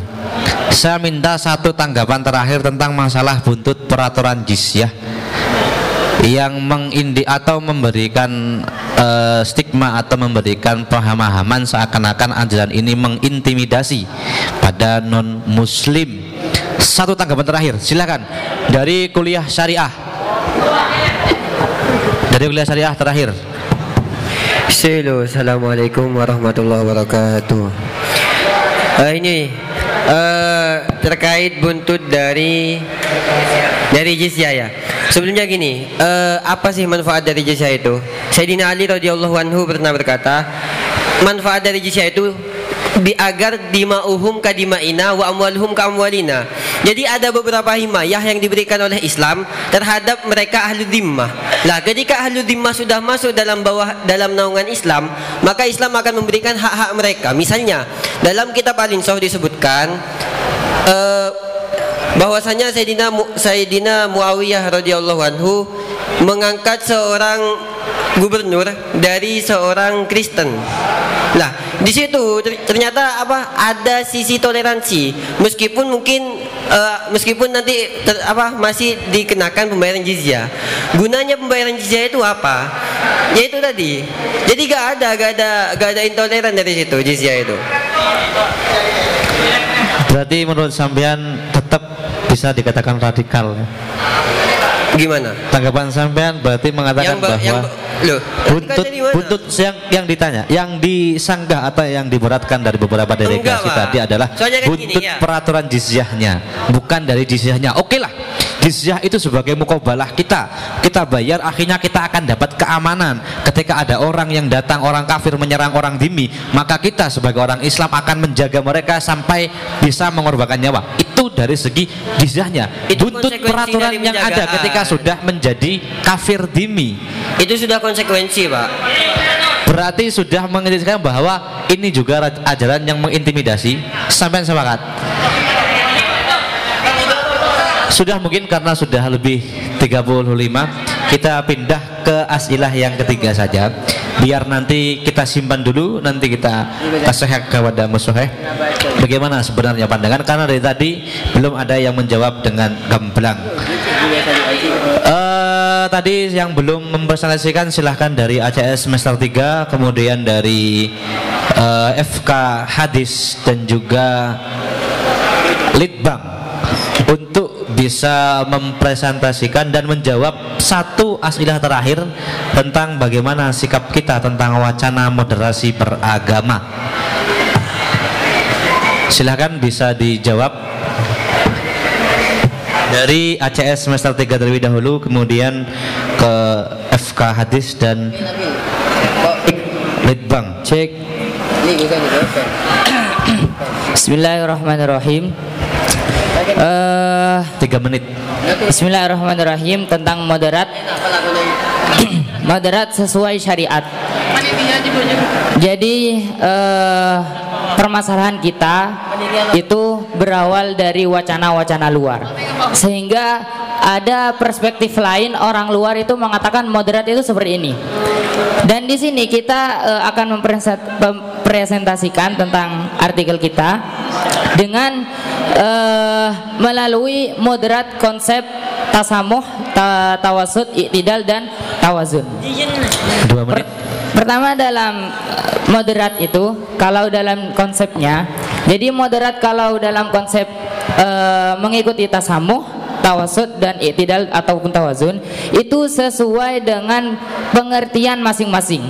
Sesuai dengan pengertian tawasud seperti Tawasud itu dijelaskan dalam Al-Qur'an, wa kadzalika ja'alnakum ummatan wasatan litakunu syuhada 'alan nas. Jadi moderat itu kita sesuaikan dengan konsep empat itu. Konsep empat itu kita sesuaikan bagaimana moderasi, bagaimana kita beragama dengan eh, sederhana mungkin. Dan wasaton di situ ditafsiri di dalam tafsir apa? Di dalam eh, tafsirnya Satu menit. itu adalah tidak itu adalah adil begitu juga dalam eh, yang kedua yaitu tawazun keseimbangan yang menjunjung tinggi keadilan yaitu berpihak kepada satu kelompok eh, da- yaitu tidak berpihak kepada satu kelompok dan mendiskriminasikan kelompok lainnya. Bagaimana sikap kita nanti tentang wacana kita jawab yang lainnya. Langsung dijawab tentang wacana atau sikap kita sebagai orang muslim tentang wacana moderasi beragama yang saat ini terus membumbung ke untuk permukaan. jawabannya teman kita ini. Bismillahirrahmanirrahim. Ketika kami mendengarkan keterangan dari Kementerian Agama Republik Indonesia, di situ dijelaskan oleh eh, Kementerian Agama bahwasanya yang dimaksud dengan moderasi beragama seperti ini. Jadi Kenapa kok ada moderasi beragama? Karena ini diadakan untuk meninggalkan sifat anarkis dalam beragama. Di sini dijelaskan eh, oleh Kementerian Agama dijelaskan. Jadi moderasi beragama itu disimpulkan agar agama itu tidak terlalu radikal. Kemudian tanggapan kita tentang kemenak ini dari kesimpulan beliau tidak sama dengan realita yang dilakukan. Sebagaimana yang ditampilkan Cukup, tadi di video. karena waktunya sudah selesai. Jawabannya Jawabannya tidak dibenarkan. Sikap kita. Sikap kita eh, harus meneliti dalam artian ada yang bisa kita benarkan dari tindakan eh, moderasi beragama. Dipilah-pilah Dipilah dulu. Oke, silakan. Terakhir yang tadi dari FK Sejarah. Silakan Ustadz Ibrahim. FK Hadis sampai FK Sejarah tadi yang saya angkat, yang saya tunjuk. FK Hadis. Oh ya, silakan FK Hadis. FK Hadis, silakan bisa mempresentasikan sebentar saja artikelnya kemudian asilah yang ketiga bagaimana sikap kita tentang wacana moderasi beragama yang seakan-akan dalam tataran praktek moderasi beragama yang didengungkan-dengungkan oleh para eh, orang-orang di luar eh, seakan-akan memberikan kesan bahwa mempersempit ruang gerak ajaran agama Islam. Bagaimana sikap kita? Silakan. Eh, langsung jawabannya Tor kan Di silakan tiga menit saya kasih waktu tiga menit. Bismillahirrahmanirrahim Eh, tentang moderasi beragama kami dari FK Hadis ya tentunya kami di sini. Eh, membawa beberapa hadis yang intinya dari moderasi beragama itu adalah tidak terlalu yaitu tidak terlalu kanan dan tidak terlalu kiri. Eh, kalau kata lainnya kata lainnya itu khairul umur ausatuha gitu Tor Nah, karena di sisi lain kita lihat dari banyak hadis Nabi itu melarang kita itu untuk terlalu gulu. Atau selainnya eh, selain itu dan juga Nabi melarang kita untuk uh, mengkotlum ahad bahkan itu nanti ancamannya eh, kita itu dijamin tidak masuk surga itu atau selainnya yang itu Bagian dari Eh, dan contohnya yang lain dalam hadis la yadkhulul jannah qati'ur rahim. Di sini oleh Ustaz Dr. Musa Syahin Al Yasin. Beliau menjelaskan dalam kitabnya yaitu Fathul Mun'im fi Syarhi Sahih Muslim. Dalam hadis ini ini sebenarnya menjelaskan tentang keumuman sosiolog eh, tentang keumuman ber sosiologi antar manusia yaitu eh, bahkan dalam Islam itu mengajarkan kita itu saling eh, berbaik hati atau melakukan hal yang baik bahkan pada hayawan pun gitu. Satu menit. Nah, tentang langsung ke pertanyaan aja Tor tentang bagaimana sikap kita tentang wacana moderasi beragama ya kita harus tetap menjalankan syariat yang ditetapkan kalau dalam masalah kita ya kita harus ikut tentang ma- Imam Masyu uh, Ash'ari dan Maturidinya dalam fikihnya ya empat madhab Wacana yang digaungkan oleh pemerintah tentang masalah moderasi beragama, sikap kita. Oh, sikap kita dalam menerima wacana. Menerimanya. Oh, ya tidak, Tor. Tidak apa menerima? Tentu kita harus Jek, jek. Nah, kalau misalkan dalam salah dalam satu segi itu ya sesuai dengan syariat yang kita dalam Islam, maka kita harus terima. Kalau Berarti misalkan sama, ya, Ya. dengan yang ada di semester 3 tebang pilih atau dilihat dulu. Ya, gitu. Terakhir dari Litbang ACS, monggo. Kakak-kakak senior, silahkan. Tiga menit. Bismillahirrahmanirrahim. Tiga menit, Bro. Iya, tiga menit. Bismillahirrahmanirrahim. Terima kasih moderator. Jadi karena kami mendapatkan tema eksistensi moderasi beragama yang perlu dirawat sesuai undang-undang, maka beg- begini. Di dalam undang-undang sudah menjadi kesepakatan, sudah menjadi sah undang-undang tentang bagaimana moderasi beragama. Moderasi undang-undang tersebut sudah ada sejak dulu, sejak tahun 1945. Kalau perlu kami bacakan undang-undangnya, mungkin tidak perlu. Sudah, yang kedua mengenai karena ini simple. Yang kedua mengenai eh, moderat, arti moderat di dalam kitab eh, tafsir Quran, Sayyid Kutub fi Dalil Quran menjelaskan tentang menafsir ketika menafsiri ayat wa kadzalika ja'alnakum ummatan wasata di situ beliau menjelaskan bagaimana moderat dalam fikul hal, dalam segala hal, baik itu dalam bersosial, baik itu dalam berkeyakinan ataupun yang lainnya. Semuanya mencakup fikul hal. Kemudian undang-undang, bagaimana undang-undang yang telah ada di pemerintah, yang telah ditetapkan oleh pemerintah itu sesuai dengan eh, yang telah ditetapkan oleh baginda Nabi Muhammad SAW. Dulu Nabi Muhammad SAW pernah eh, me- mengadakan istilahnya itu piagam Madinah yang menjadi konstitusi pertama di dalam Islam. Beliau itu menggabungkan antara seluruh umat Satu muhajirin. Oh, cik, ah, setor. Ini masih banyak ini. Sudah, itu intinya piagam Madinah situ. Kemudian kami jelaskan dulu batasan moderasi sehingga nanti itu kami merentet terhadap eh, jawaban yang pertanyaan ketiga. Moderasi beragama itu adalah batasannya sekiranya memang eh, tetap urusan dalam sosial, dalam kurung muamalah, tidak sampai mencampur adukan agama. Seperti itu. Sesuai dengan eh, Makanya kalau nanti tidak sesuai dalam agama seperti kasus Rasulullah ketika pembangunan masjid Diror yang dibangun oleh orang pendeta pendeta munafik ya, namanya Abu Amir, beliau itu langsung merubahkannya. Kesimpulannya Oh. bahwa sikap kita tentang wacana Sikap kita moderasi tentang wacana moderasi kita terima di- saja. Kita terima saja adanya moderasi beragama yang telah ditetapkan oleh pemerintah, kita terima saja. Tapi dilihat dulu, kalau nanti ini ada bertentangan dengan syariat, kita Sudah. wajib amar ma'ruf amar ma'ruf nahi munkar. Sudah bisa ditaruh mic-nya. Santai saja dari ACS gak usah sampai ngotot gitu. Masih banyak soalnya penjelasannya. Ya. Jadi dari tiga presentator mengatakan bahwa sikap kita sebagai seorang muslim menanggapi wacana moderasi beragama yang digenggungkan oleh pemerintah kita lihat ketika moderasi-moderasi yang dicanangkan pemerintah itu sesuai syariat maka kita boleh bahkan wajib untuk menerimanya. Ketika tidak sesuai maka kita tidak boleh bahkan harus nahi mungkar. Kata litbang Mungkin dari tiga presentator ini ada dari sebagian delegasi atau dari simpatisan yang ingin menanggapi tiga presentator tadi. Dari eh, Litbang ACS yang di belakang, terus ini FK sejarah kok pakatnya nggak pernah diangkat.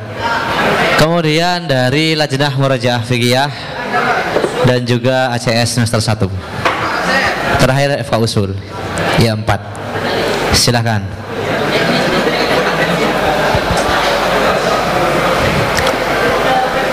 Dari ACS semester 1 dulu, kemudian ke Usul, kemudian ke Litbang dan terakhir ke Lajnah Murojaah.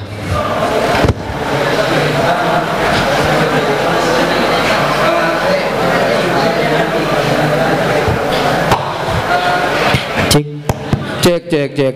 Jadi yang ingin kati, jadi yang ingin kita kritisi dari presentasi presentasi presentasi yang dipresentasikan oleh kawan-kawan barusan adalah Litbang ini. Siapa itu kata namanya? Intinya jadi Litbang ini kan mensetujui wacana moderasi beragama. Maka yang kami kritisi, kok bisa dia mensetujui wacana moderasi beragama? Kenapa? Karena kalau kita pahami dari diksi moderasi beragama seakan-akan ada masalah dalam agama itu sendiri.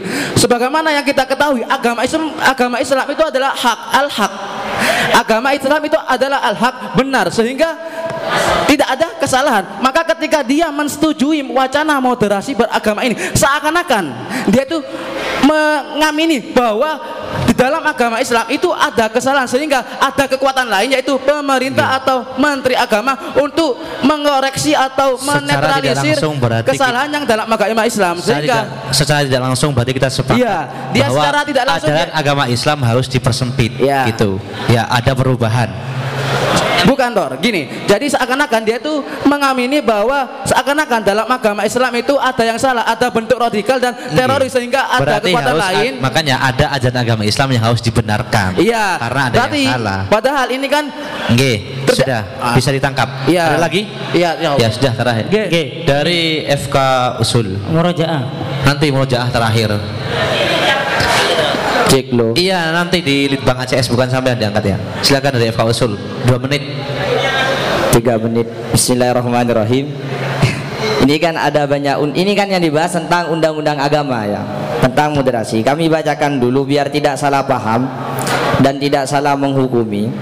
Pertama, ini yang sangat kami titikkan setiap orang eh, setiap orang berhak atas kebebasan meyakini kepercayaan menyatakan pikiran dan sikap sesuai dengan hati nuraninya. Terus ada pasal 281 ayat 1 eh, yang berbunyi hak untuk hidup, hak untuk tidak disiksa, hak kemerdekaan pikiran dan hati nurani, hak beragama. Ini kan secara tidak langsung pemerintah itu eh, membenarkan ajaran ajaran selain Islam seperti itu. Ini kan secara tidak langsung kan seperti itu. Padahal yang benar, agama yang benar itu kan adalah agama Islam. Kenapa mereka kok masih eh, meyakini agama lain yang kok masih boleh dimasuki seperti itu? Meyakini agama lain, membenarkan agama lain. Paham toh? Sudah. Seharusnya undang-undang seperti tidak tidak boleh diterima oleh kita. Usul kita harus tolak total mutlak. dalam masalah bentuk proses moderasi beragama itu kita ketika menerima secara tidak langsung kita membenarkan agama Eh, mereka membenarkan agama, yang- lain. ya sudah Padahal salah. Ini Oke. ada. Ini langsung moderator. sudah waktunya sudah habis Sudah belum habis. waktunya sudah habis Belum habis. turunkan Sebentar, lima, mic-nya 15 diturunkan. 15 detik. Mic-nya turunkan mic-nya turunkan dari Litbang ACS tadi yang di jasa Jumat ya jasa Jumat ya silakan jasa Jumat dari jasa Jumat tadi silakan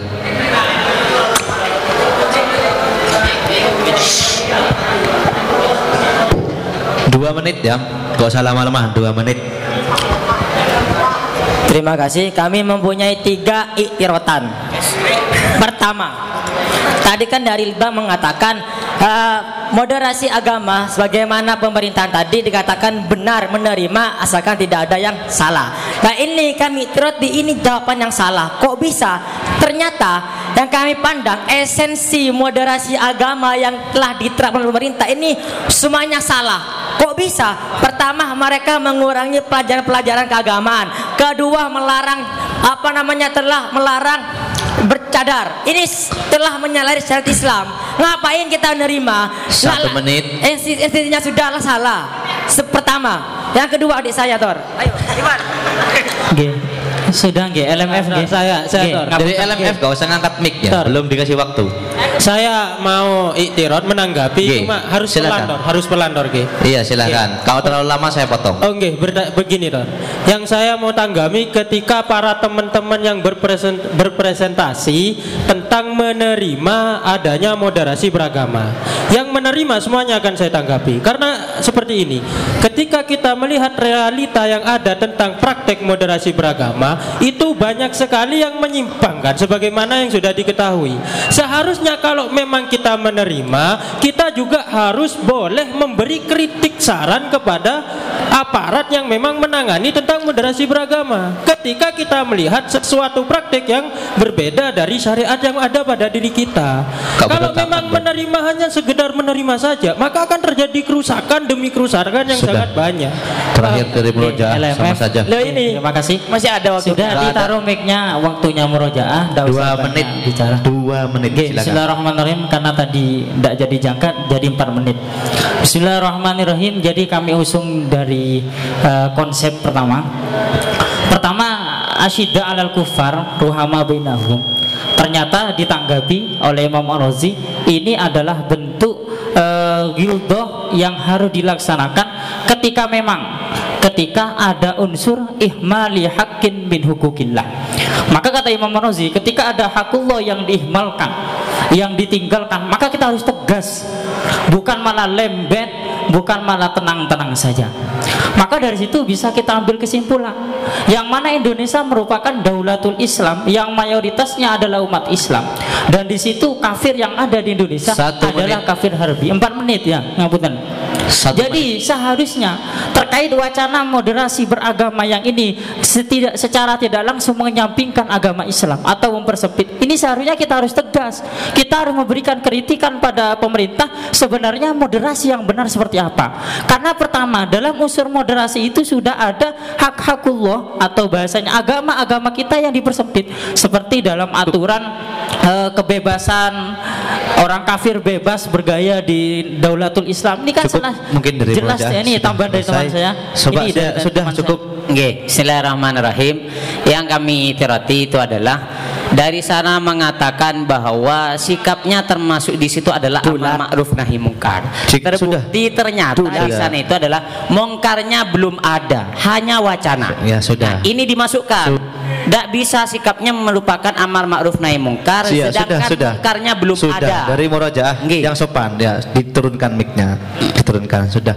Saya rasa tanggapan-tanggapan yang ada tidak mengubah Duduknya biasa aja, tidak mengubah pertanyaan yang tidak mengubah dari jawaban ketika delegasi karena sepakat ketika delegasi itu eh, ketika kok wacana moderasi itu sesuai dengan syariat boleh kita terima. Ketika tidak sesuai dengan syariat maka harus kita hilangkan.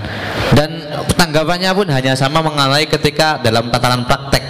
Artinya tetap kita tetap sepakat bahwa ketika ini sesuai dengan agama bisa kita terima satu tambahan terakhir satu tanggapan terakhir Gini, murojaah dari tadi. satu tanggapan terakhir Murojaah terakhir mic. 15 menit. yang murojaah mic-nya dimatikan pak 15 FK menit usul fikih murojaah sama Litbang ACS terakhir terakhir ya tanggapan yang mengena karena dari tiga presentator itu semuanya menganggap kalau sesuai syariat maka bisa diterima. Kalau tidak sesuai syariat maka tidak bisa kita terima. Jangan ditanggapi dari segi yang akhirnya menyalahi syariatnya. Kalau menyalahi syariat kan bahannya akhirnya sama saja. Silakan dari Litbang ACS tadi yang di belakang. Bismillahirrahmanirrahim. Jadi kita preteli ala nasi soalnya itu.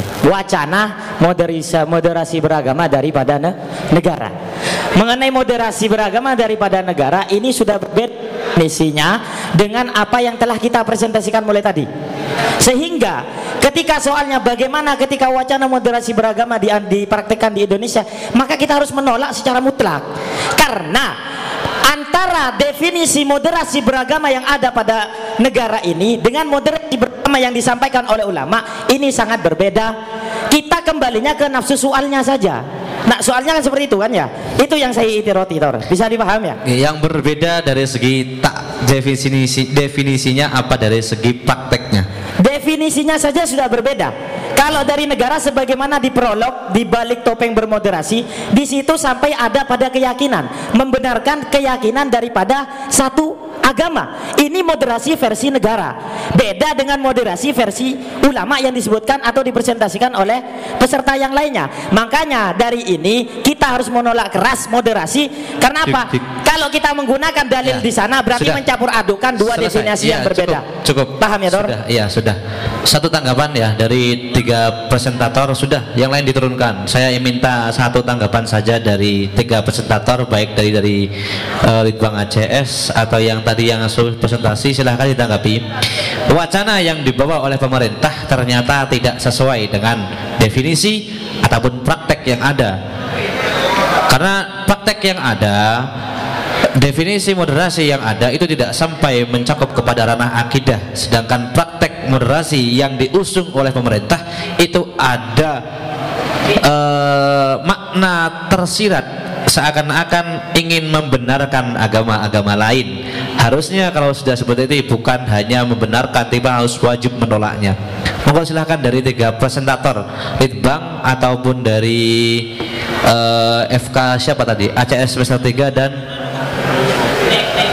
FK hadis. Silahkan salah satu yang ingin menanggapi monggo entah dari hadis atau dari FK usul silahkan kalau nanti kurang yang lain bisa nambah kalau ada yang mau nambah silahkan dari tiga presentator Cik, Bismillahirrahmanirrahim. Kami jawab Tor ya. Jadi moderasi ini memang dulu itu sudah pernah dicontohkan oleh Rasulullah. Apa itu moderasi? Moderasi sudah tadi terpampang lebar dengan presentator yang ada. Gak usah bahas takrif takrif seperti itu. Apakah ada moderasi di zaman Rasulullah? Itu perlu aslinya diketahui. Undang-undang yang ada di Indonesia ini sudah diteladankan oleh baginda Nabi Muhammad SAW. Apa? Ketika di sana itu ada piagam Madinah. Rasulullah ketika itu menggabungkan, menggabungkan antara suku, suku Aus ataupun Khazraj ataupun yang lainnya. Baik itu agama Yahudi ataupun agama yang lain. Itu semuanya disatukan. Bahkan Rasulullah ketika itu tidak mengatasnamakan Darul Islam. Meng- mengatasnamakan Darul Islam seperti itu. Kemudian tadi masalah seakan-akan ini ridho. Bedakan ridho ya. Ridho dengan huriyah jadi agak apa negara itu memberi kebebasan. Negara itu memberi kebebasan tidak semerta-merta dia itu menyuruh untuk meridhoi mereka. Seperti itu. Jadi beda beda konteksnya. Makanya di dalam kitab dari praktek yang ada dari praktek yang ada yang diusung oleh kawan-kawan mengatakan bahwa ini ada unsur seakan-akan membenarkan kepada agama lain sudah dikatakan di awal tadi Tor. Jadi bedakan antara huriyah dan ridho. Sudah dikatakan bersama bahwasanya ridho bil kufri kufrun. Kalau nanti ridho dengan kekafiran orang kafir tersebut, maka kita akan kafir sendiri. Makanya undang-undang baca dong. Baca dengan apa? Dengan lengkap biar paham. Gak usah pakai otot Sudah santai Tor. Iya. Santai. Kemudian apa lagi Tor? sudah cukup mungkin ya Ada lagi Tor. Kalau ada lanjut. Sudah mungkin karena waktu sudah menunjukkan jam 11 Kita minta pencerahan dan juga kita tasihan Apa yang tadi kita kaji dari awal Tentang masalah pengertian moderasi beragama Kemudian eh, Benarkah ajaran agama Islam Agama yang intoleran yang akhirnya memunculkan eh, bahwa agama Islam itu radikal? Dari beberapa kajian yang tadi sudah dibahas ada kiranya tiga tiga uh, pembahasan yang dari para kawan-kawan delegasi sendiri masih belum bisa mengargumeni dengan tepat yang pertama tentang masalah buntut peraturan yang timbul dari adanya jizyah. Yang akhirnya ketika orang sudah membayar jizyah dia menjadi kafir dimi yang harus mengikuti peraturan-peraturan yang begitu ketat. Seakan-akan peraturan ini memberikan eh, pemahaman bahwa agama Islam eh, menintimidasi orang-orang kafir. Kemudian tidak ada patennya takrif atau definisi radikal. Yang akhirnya memberikan pengertian radikal dinilai sesuai dengan proporsi masing-masing. Yang ketiga tentang sikap yang masih belum tergambar dengan jelas ketika sikap kita tentang wacana moderasi beragama apakah harus memilah atau langsung mengikuti atau langsung menolaknya. Mungkin itu tiga kajian yang perlu didalami yang tadi dari para kawan-kawan belum ada eh, kajian yang lebih tepat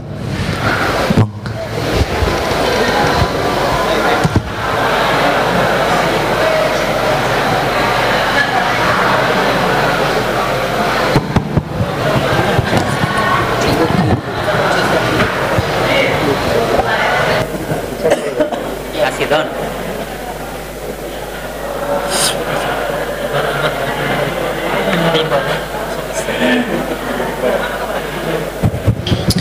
Terima kasih.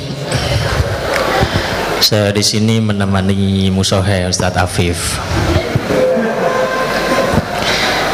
Saya menyimak mulai dari awal. Di sini ada beberapa kekurangan ya. Pertama kurangnya menit berbicara dari masing-masing eh, masing-masing delegasi. Itu bukan karena moderator ya, tapi karena waktu yang tersedia. Waktu yang tersedia ini memang tidak cukup.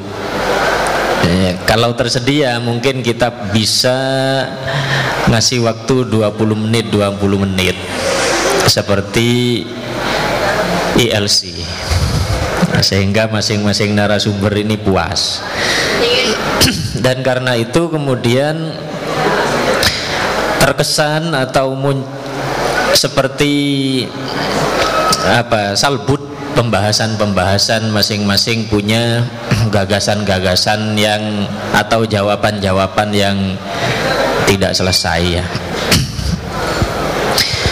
Nah, karena itu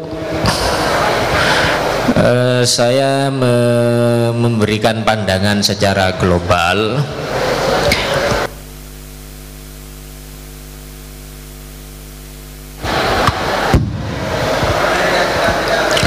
Pertama para pengkaji ya, para delegasi yang berbicara itu belum melakukan kajian yang mendalam terhadap istilah-istilah kunci ya. seperti moderat, radikal, eh, fundamental dan sebagainya karena istilah-istilah ini pada zaman sekarang ini menjadi istilah yang eh, bermasalah ya. Menjadi istilah yang bermasalah karena banyak penafsiran-penafsiran yang tidak jelas dari berbagai kalangan. Jadi ibaratnya seperti Imam Al-Ghazali ketika menulis Ihya itu beliau membahas istilah-istilah kunci yang pada zaman beliau ini salbut atau tidak jelas seperti ada istilah fikih ya istilah apa lagi ilmu dan macam-macam Nah, ketika istilah-istilah kunci ini ndak belum kita dudukkan, belum kita definisikan, maka kita eh, kesulitan. Apakah Islam moderat atau ndak? Eh, pengkaji terburu-buru langsung mencari takbir, padahal moderat itu sendiri apa ya? Nah, padahal hakikat Islam nah itu sudah merupakan agama yang moderat. Yakni agama yang tengah-tengah baina ifrotil yahud wa tafritin nasoro. Jadi kalau Yahudi itu eh, ekstrem kanan terlalu berat. Kalau eh, Nasrani ekstrem kiri terlalu longgar. Dan Islam itu ya sudah sudah moderat.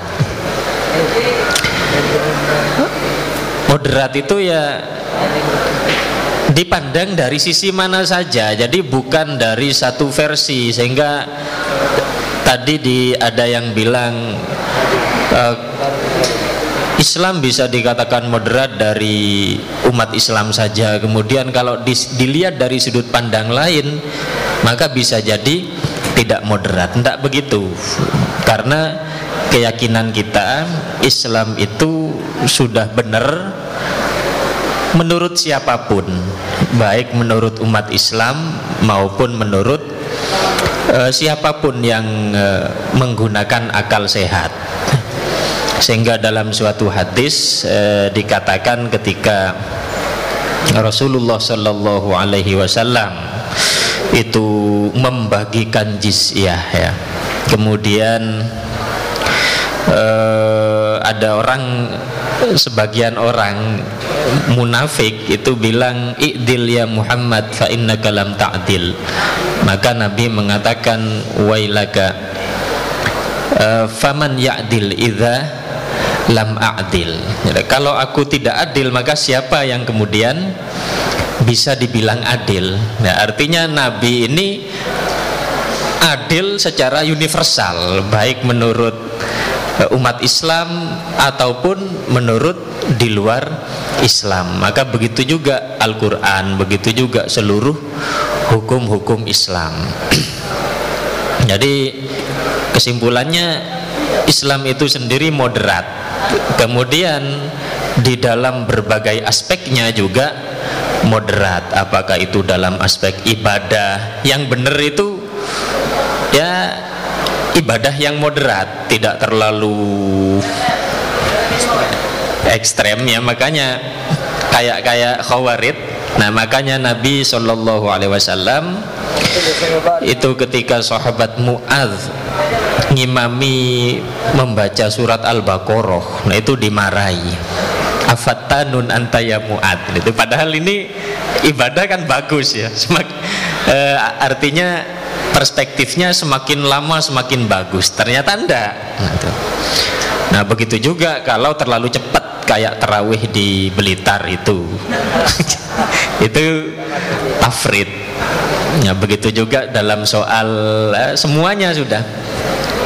Wala taj'al yadaka maghlulatan ila unukika wala tabsutha kullal basti. Jadi terlalu uh, royal tidak bagus uh, juga terlalu pelit juga tidak bagus sedang-sedang saja. Nah ini Islam dari asasnya dan seluruh aspek-aspeknya ini moderat semua. Nah di antara eh, pembahasan kunci yang perlu difahami itu ya soal yang kita kritisi ya ke eh, apakah itu istilah moderasi beragama kemudian undang-undang moderasi beragama itu kita fahami karena tadi saya mendengar yang sampai mengatakan oh ini bahaya bisa menganggap apa bisa membuat eh, menganggap Islam Islam ini tidak benar gerakan moderasi beragama.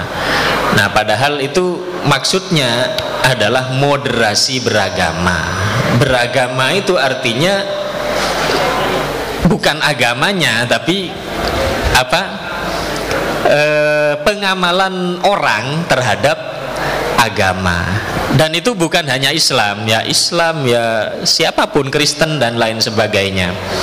Jadi yang diminta moderat atau juga berarti mengurangi keekstriman.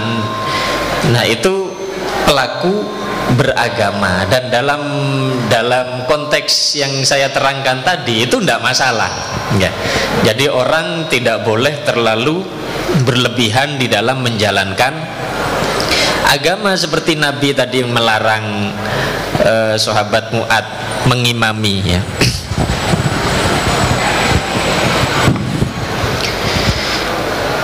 Nah, kalau keliru dalam memahami ini nanti responnya juga keliru. Sama juga seperti siapa itu? Habib Ali Al Jufri itu bikin semboyan uh, al Islam qabla at tadayyun apa? Al insaniyah qabla at tadayyun ini kan sempat kontroversial. Padahal beliau jelaskan itu al insaniyah qoblat tadayun bukan qoblat din. Din uh, itu ada di awal alal itlak adapun tadayun ini artinya beragama. Jadi memahami istilah-istilah kunci yang kita bahas seperti itu uh, sangat penting ya. Kemudian yang terakhir terkait dengan Eh, furu-furu atau praktek-praktek atau aplikasi-aplikasi terhadap hukum-hukum yang terjadi pada masa lalu. Nah, itu kita tidak boleh apa itu namanya mengambil nas atau mengambil e, masail itu diambil secara terpisah dari konteksnya atau dari berbagai nas terkait atau peristiwa-peristiwa terkait ya. Sehingga terkesan kalau dilihat kalau diambil nas yang itu saja kemudian tidak mengikut sertakan nas-nas yang seharusnya diikut sertakan untuk dibaca maka akan mengesankan keburukan jadi itu digambarkan seperti mengambil ikan dari kolam ya, atau dari air. Nah, ketika ikan itu diambil dari air, maka jadi mati. Begitu pula ketika orang ngambil nas atau ngambil takbir itu diambil secara terpisah dari nas-nas yang lain yang seharusnya disertakan. Jadi kayak kayak apa itu tadi? Eh, hadis ketika ketika kamu bertemu dengan orang Yahudi maka eh, pepet ke jalan yang sempit loh itu dalam dalam konteks apa kan begitu bagaimana dengan hadis-hadis eh, tentang Nabi justru menghormati kafir dimi kan begitu. Kita justru diminta untuk menghormati kafir dimi dan lain sebagainya. Nah ini harus di bahwa juga eh, kemudian dikomparis komparasikan sehingga dapat ditemukan nanti oh dalam konteks ini yang berlaku. Nah, kan seperti itu.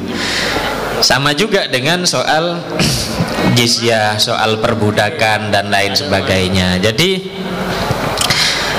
problem atau eh, muskilah itu akan muncul ketika jizyah difahami sebagai eh, suatu apa ya satu intimidasi terhadap terhadap non muslim sebagaimana di, di, digambarkan bahwa Islam menciptakan perbudakan kemudian menerapkan hukum yang tidak adil kepada kepada budak. Nah, padahal ketika dikaji secara komprehensif dengan berbagai latar belakang persoalannya, maka justru itu ketetapan hukum yang diberikan oleh Islam itu justru yang terbaik pada zamannya. Nah, jadi dan ini yang melakukan bukan hanya orang Islam. Ya saya sempat membaca karya-karya Karen Armstrong itu juga begitu. Jadi dia mengikut sertakan eh, konteks pada zaman itu.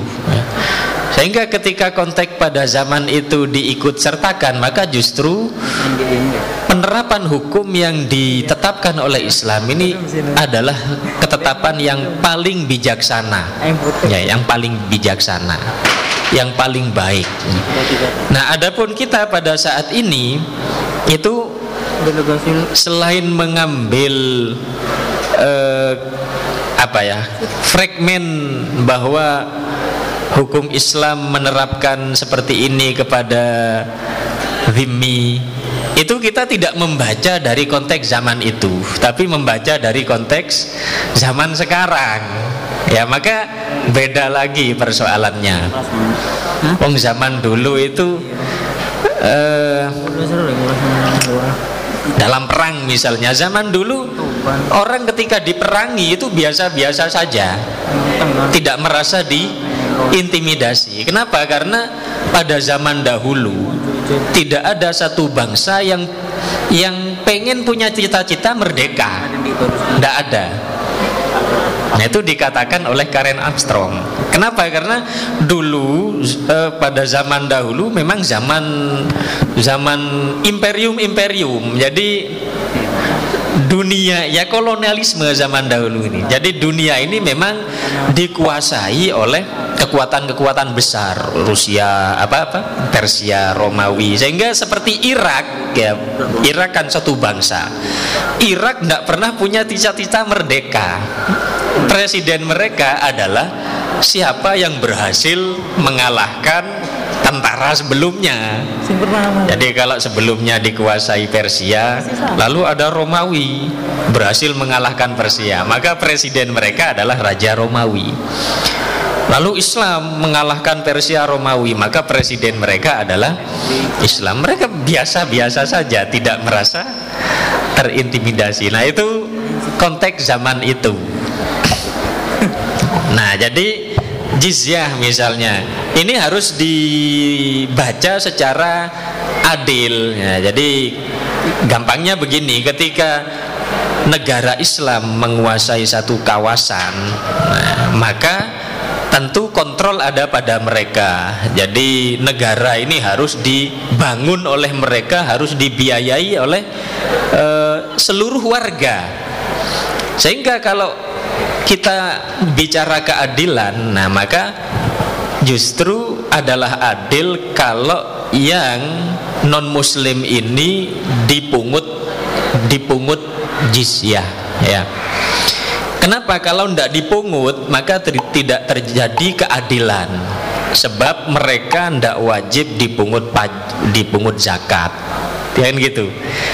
Mereka tidak wajib berzakat sedangkan eh, yang muslim wajib zakat sehingga tidak dipungut pajak. Kan seperti itu. Nah justru yang di Indonesia ini yang kurang benar. Ya, jadi umat Islam masih di wajib secara agama wajib membayar zakat. Di samping itu eh, masih dipungut pajak. Kan begitu nah berarti ini siapa yang ter terdolimi kalau di Indonesia? Umat Islam ya kan gitu? Secara ekonomi. Nah terus eh, kebanyakan diskusi tentang moderasi dan semacamnya nah ini adalah diskusi-diskusi yang berangkat dari apa ya ilusi. Seperti tadi yang dikatakan syukur itu ilusi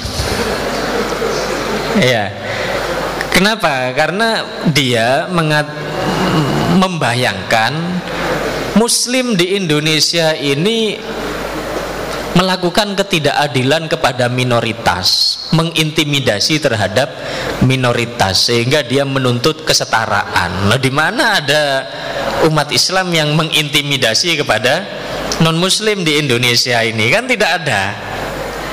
Di di daerah mana, di sebelah mana? Tidak ada. Umat Islam non muslim yang dihalang-halangi untuk memeluk keyakinannya sendiri itu tidak ada, tidak benar itu hanya muncul dari dari ilusi pikirannya dia sendiri. Nah, sehingga kalau ini yang dijadikan eh, patokan untuk kita eh, memoderatkan Islam, justru Islam menjadi liberal. Kenapa? Karena hukum-hukum yang ada, yang asli ini sudah moderat. Jadi kalau eh, versinya syukur yang dijadikan eh, patokan moderat justru menarik Islam pada eh, pada arah yang tidak benar. Jadi saya kira seperti itu pandangan umum ya. Terima kasih.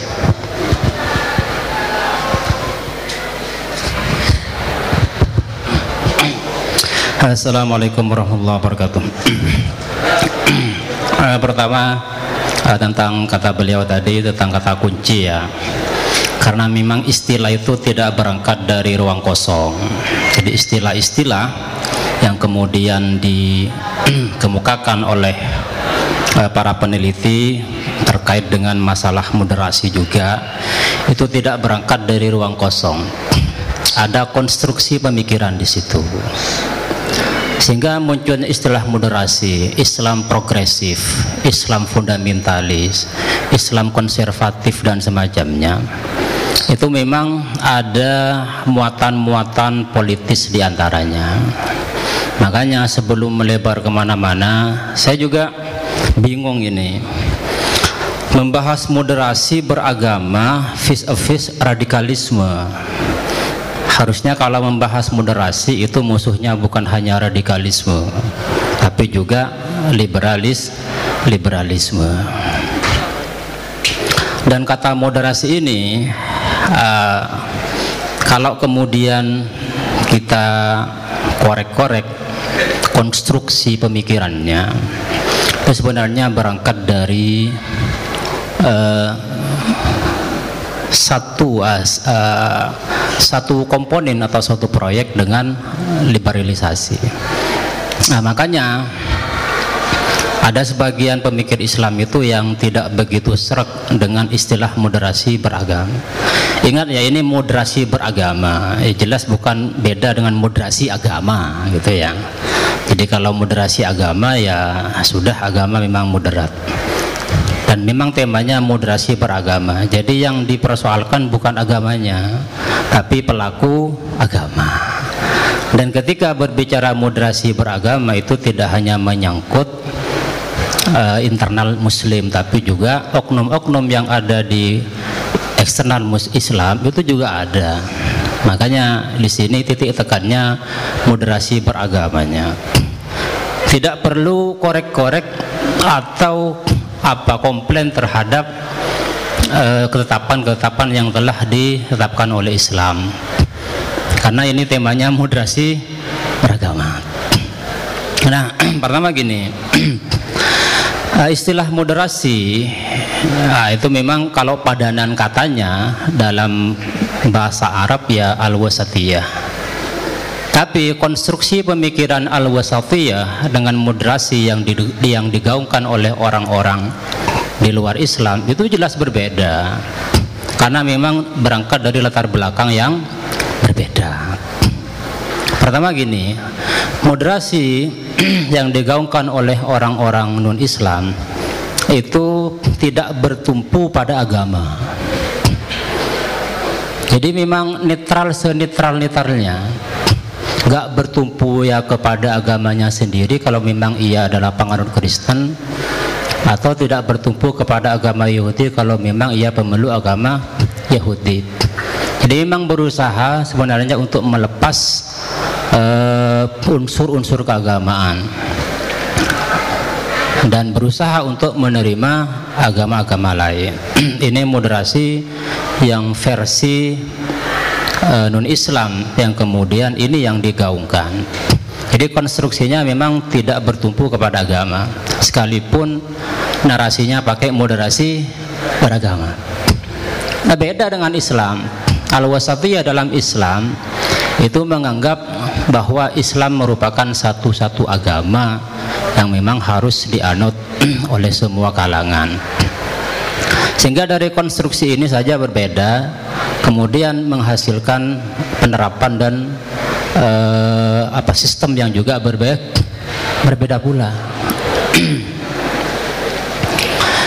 nah, yang pertama gini. Ah, yang pertama, yang kedua, jadi pembahasannya ini ini apa moderasi beragama artinya ketika kita beragama antara ifratnya orang Yahudi dan tafridnya orang Nasoro. Nah kalau seperti itu ya sudah jelas ya. Atau tadi ada yang bahas ini yang mau dibahas apa? Moderasi beragama dalam internal Islam artinya membicarakan tentang oknum-oknum muslim yang cara beragamanya tidak benar. Apa membahas tentang moderasi beragama yang kaitannya dengan orang non muslim nah ini kan belum ada tadi ini. Dan yang banyak itu yang moderasi beragama yang kaitannya dengan non muslim yang lebih tepatnya itu sebenarnya ya toleransi kan gitu. Ya sekalipun di antara poin-poin moderasi itu juga ada toleransi ya. Nah jadi ada memang beberapa kitab itu seperti usulul wasatiyah al al wasatiyah fil Quran karya as-Sulabi itu. Dan juga ada al wasatiyah fil Islam karya Hasan Habannaka. Hasan Habannaka ini adalah guru dari Dr. Said Ramadan Al-Buti, Wahba Zuhaili, Mustafa Said Anakhin dan semacamnya.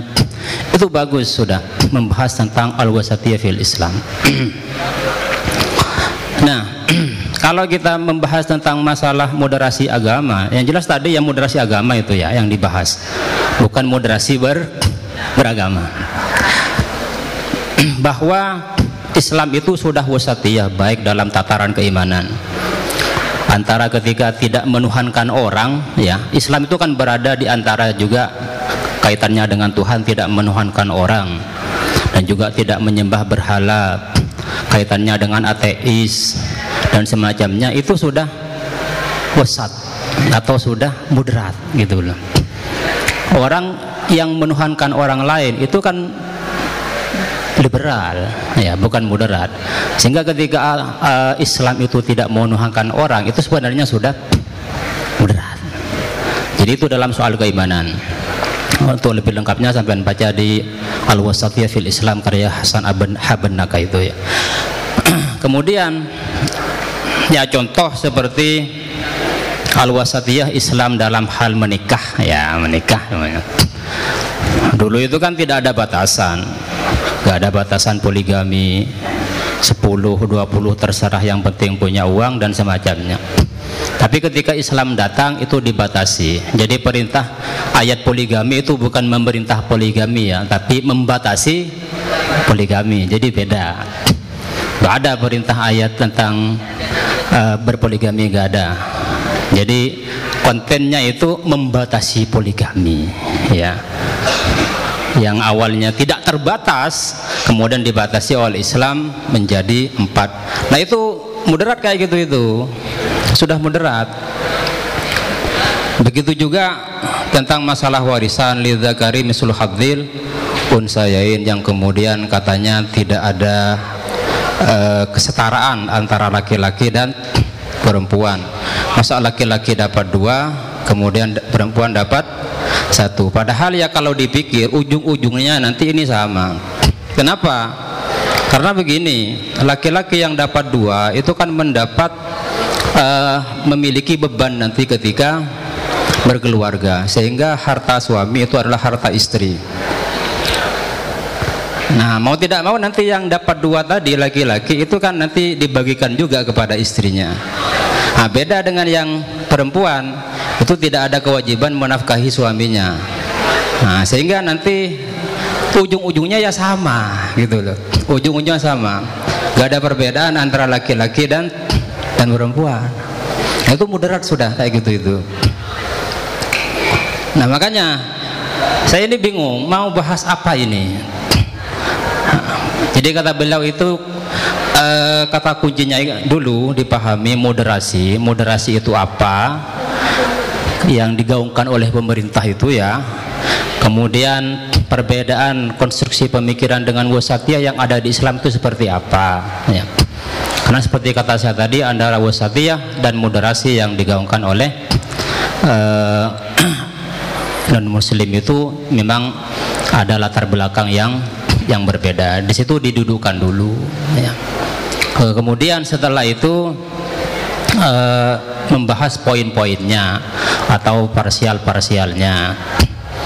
Jadi kalau membahas masalah ini kan nanti kalau seperti tadi itu kan e, membawa fikih konseptual ke ranah kontekstual gitu karena konteksnya berbeda sekarang. Jadi konseptual kayak gitu ketika kita menghukumi itu memang harus komprehensif.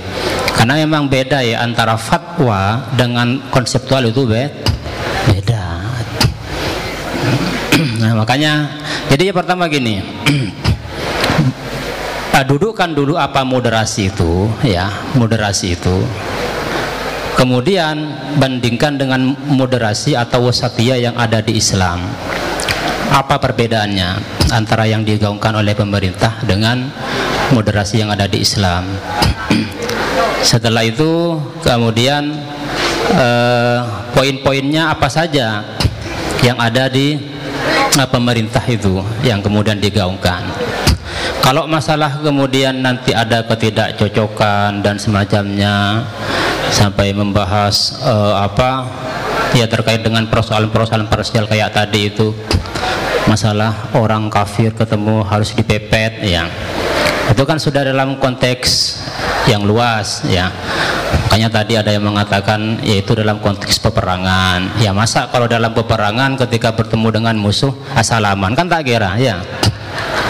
Ketika dalam peperangan sudah memuncak kemudian ketemu dengan musuh kemudian memanggil salam nah kan nggak mungkin Nah makanya hadis-hadis itu oleh beberapa ulama memang e, dikaitkan dengan hal-hal yang berkaitan dengan peperangan. Ya sama juga e, masalah jizyah yang tadi. Jadi yang LF tadi itu ya lebih mengerucut membahas masalah jizyahnya ya jizyah yang ya jizyah yang jelas ya adalah mayutihi minal mal mayutihi ahlu dhimma minal mal fi muqabalatihi mayatihim. Itu ya jizyah di persis seperti apa yang beliau katakan bahwa ya jizyah itu adil. Karena apa? Ya karena memang orang-orang kafir yang berada di wilayah orang muslim itu kan tidak dibebani apa-apa. Sedangkan orang Islam dibebani zakat dan semacamnya. Maka untuk membangun perekonomian rakyat diambillah jizyah ya. Masalah nanti buntut-buntut jizyah itu seperti uh, ya bangunan orang muslim orang kafir tidak boleh lebih tinggi daripada orang muslim dan hal-hal yang lain itu ya ada sudah. Ya sebenarnya sampean baca saja. Jadi di dalam al-um itu ya ada ibarat seperti ini dalam al-um ya.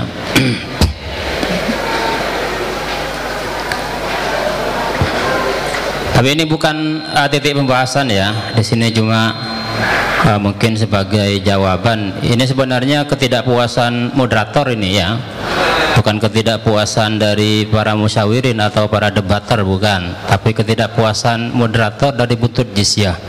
Kenapa kok ada ada ini dan ada itu? Ya. Tapi kan logikanya gini.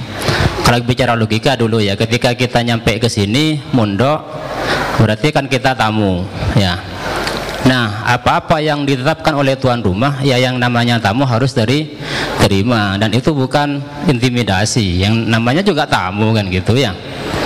Jadi aturan-aturan yang ada di sini ya logikanya itu bukan untuk intimidasi.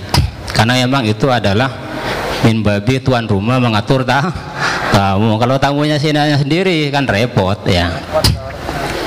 Nah, kemudian terkait dengan masalah buntut itu gini kalau di al-umnya itu wa habbu ilayya ayyaj'alu bina'ahum duna bina'il muslimin bi syai'in wa kadzalika in adharul khamra wal hinzirah wal jama'at wa hadza idza kana al ya tidak bolehnya bina ul kufar itu lebih tinggi dari bina muslimin dan semacamnya.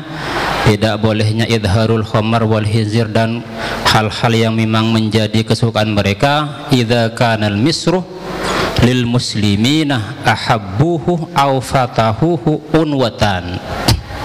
Wa syaratu ala ahli dhimmah. Fa in kanu fatahuhu ala sulhin bainahum wa bain ahli dhimmah min tarki idharil khanazir wal khamri wa, wa ihdasil kanais fi ma malaku lam yakun lahu man'uhum min dalik jadi kalau memang itu ditaklukkan secara unwah lewat peperangan semacamnya maka boleh uh, apa pemerintah Islam yang sudah menguasai daerah tersebut dengan cara unwah itu memberikan aturan-aturan terkait seperti yang diminta oleh moderator. Tapi beda kalau kemudian daerah tersebut ditaklukkan secara da, damai. Asulhu bainahum wa bain ahli dhimma. Maka agak masalah. Artinya orang muslim binaknya lebih orang Kristen binaknya lebih tinggi daripada orang Islam gak masalah ketika fatahuhu sulhan bainahum ay bainal muslimin wa bainah ahli dhimma nah itu mungkin ya Nah, kemudian setelah itu kalau sudah poin-poin dari moderasi pemerintah itu sudah diketahui apa saja salahnya, ya tinggal kemudian dibenahi salahnya saja. Jangan kemudian langsung uh, difonis ini tidak baik dan semacamnya. Apalagi kemudian uh, sampai memfonis kemudian uh, orang-orang non muslim di Indonesia itu kafir harbi ya repot kayak gitu ya. Kalau kafir harbi ya kita wajib perangi mereka. Kenyataannya tiap hari kita bertemu kalau pulangan itu nggak ada masalah ya. Nggak ada apa-apa dan semacamnya. Jadi tinggal gitu saja.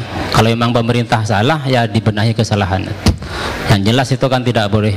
Al huruj ala waliyil amri. Jadi kalau memang ya kaidahnya kan gitu tasarruful imam manutun bil maslahat ketika ada maslahah maka kita harus taat zahiran wa batinan. Hal yang wajib itu menjadi yata'akkad wujubuhu. Dan hal yang sunnah ketika diperintahkan oleh uh, imam atau uh, apa namanya pemerintah maka itu menjadi wa wajib demikian juga hal yang mubah akan menjadi wajib ketika di situ ada maslahatun ammah kan gitu namun kemudian kalau ada kebijakan pemerintah yang tidak mengandung maslahatun amah tetap kita taat sekalipun taat dohiron laba batinan. Itu dalam rangka apa? Dalam rangka yang memang biar tidak tidak terjadi safkud dima dan semacamnya. Bahkan kan di tabir-tabir fikih sekalipun pemerintah kita dolim tetap kita taat. Selagi kebijakannya itu tidak mengandung unsur-unsur kema kemaksiatan dan semacamnya. Wala yujuzu hurujuna min ghairi mahdil kufri ya. Wala yujuzu min ghairi mahdil kufri hurujuna ala waliyil amri. Jadi sampai ketika seorang imam mengeluarkan sebuah kebijakan yang tidak mengandung masalah ammah itu tetap kita taat. Sekalipun taat dohiron. Dohiron gitu. Ya namun juga dari pihak pemerintah harus mengerti untuk kebijakannya harus mengandung kemaslahatan umum Nah, bahkan kalau seandainya kebijakan pemerintah itu tidak mengandung kemaslahatan umum itu kan bisa masuk pada tataran kebijakan yang makruh. Seperti di impurat fikih seperti seorang pemerintah eh, mengangkat orang fasik menjadi imam. Nah itu kan sekalipun sholatnya sah tapi kan itu makruh jadi dari satu sisi ulama itu memerintahkan pemerintah untuk atas hurufnya itu manutun bi masalah. Di satu sisi kita ini sebagai rakyat harus taat kepada waliyil amri. Selagi tidak min ghairi mahdil kufri atau tidak maksiat, kita wajib taat kepada pemerintah. Ya. Bahkan wajib secara dohiran saja ketika itu tidak ada sangkut pautnya dengan masalah amah gitu nah jadi itu ya Nah, moderasi. Jadi moderasi beragama bedakan dengan moderasi aga, agama. Jadi kalau agama sudah moderat, kalau beragamanya belum tentu. Seperti orang was-was saja itu kan tidak moderat gitu. Ya. Orang was-was itu kan tidak moderat. Begitu juga orang tasahul juga tidak moderat. Gak usah jauh-jauh lah kita ngambil contoh. Seperti kita kemudian uh, ada najis ya najis gitu. Kadang kan tidak dibasuh cuma dilingkari gitu. Kemudian kasih nama najis. Nah itu kan tasahul kayak gitu tuh. Kok najis itu perintahnya dibasuh kan gitu kok dilingkari? Kemudian dikasih tanda najis. Nah orang yang tidak melihat ya ya sudah dilewati dan semacamnya. Sehingga yang aslinya ainnya menjadi hukmiyah yang waswas juga gitu. Yang seharusnya sah menurut agama tidak sah. Lah bayinat tasahul kayak gitu itu dan wulu waswas itu ya jelas tidak moderat. Nah, apa itu yang kita bahas? Jadi selama ini kita bahas moderasi beragama kaitannya dengan orang non muslim yang itu ya sebenarnya pembahasan masuk dalam pembahasan toleransi gitu ya. Ya sudah seperti itu. Mau bahas moderasi beragama internal Islam seperti apa ya? Atau moderasi kaitannya dengan orang-orang Islam dan semacamnya dan dudukkan permasalahan itu. Moderasi yang dibawa oleh pemerintah itu apa moderasi yang versi Islam? Usatiyah itu apa moderasi yang konstruksinya dari orang-orang liberal yang memang tidak sama ya. Sekian dari saya Cik, uh, ada beberapa catatan yang perlu kita kembangkan untuk mengkaji kembali tema moderasi beragama. Pertama tentang Maksud dari moderasi itu sendiri bahwa moderasi beragama adalah orangnya yang kita hukumi bukan agamanya yang kita bahas. Kemudian moderasi Islam dengan moderasi yang dibawa oleh orang luar Islam itu jelas beda karena berbeda latar belakang yang akhirnya menciptakan perbedaan konseptual dan juga struktural. Mengenai furuk-furuk yang ada yang mengesankan uh, intimidasi baik dari dari disyah dan yang lainnya itu harus kita pahami secara komprehensif dan mengkomparasikan beberapa dalil yang mencangkut tentang pembahasan tersebut agar tidak salah paham dan menimbulkan pemahaman bahwa ajaran agama Islam itu radikal. Kemudian mengenai buntut-buntut yang ada itu ternyata sudah ada ketentuan-ketentuan yang bisa kita buka lagi di dalam kitab fikih. Kemudian yang terakhir uh, sikap kita sebagai Islam uh, orang Islam ketika menanggapi wacana moderasi yang dicanangkan oleh pemerintah adalah tetap menerima dengan catatan kita tetap harus mengomentari apabila dalam praktek ataupun dalam segi yang lain terdapat kesalahan yang tidak sesuai dengan syariat. Mungkin itu yang dapat kami simpulkan.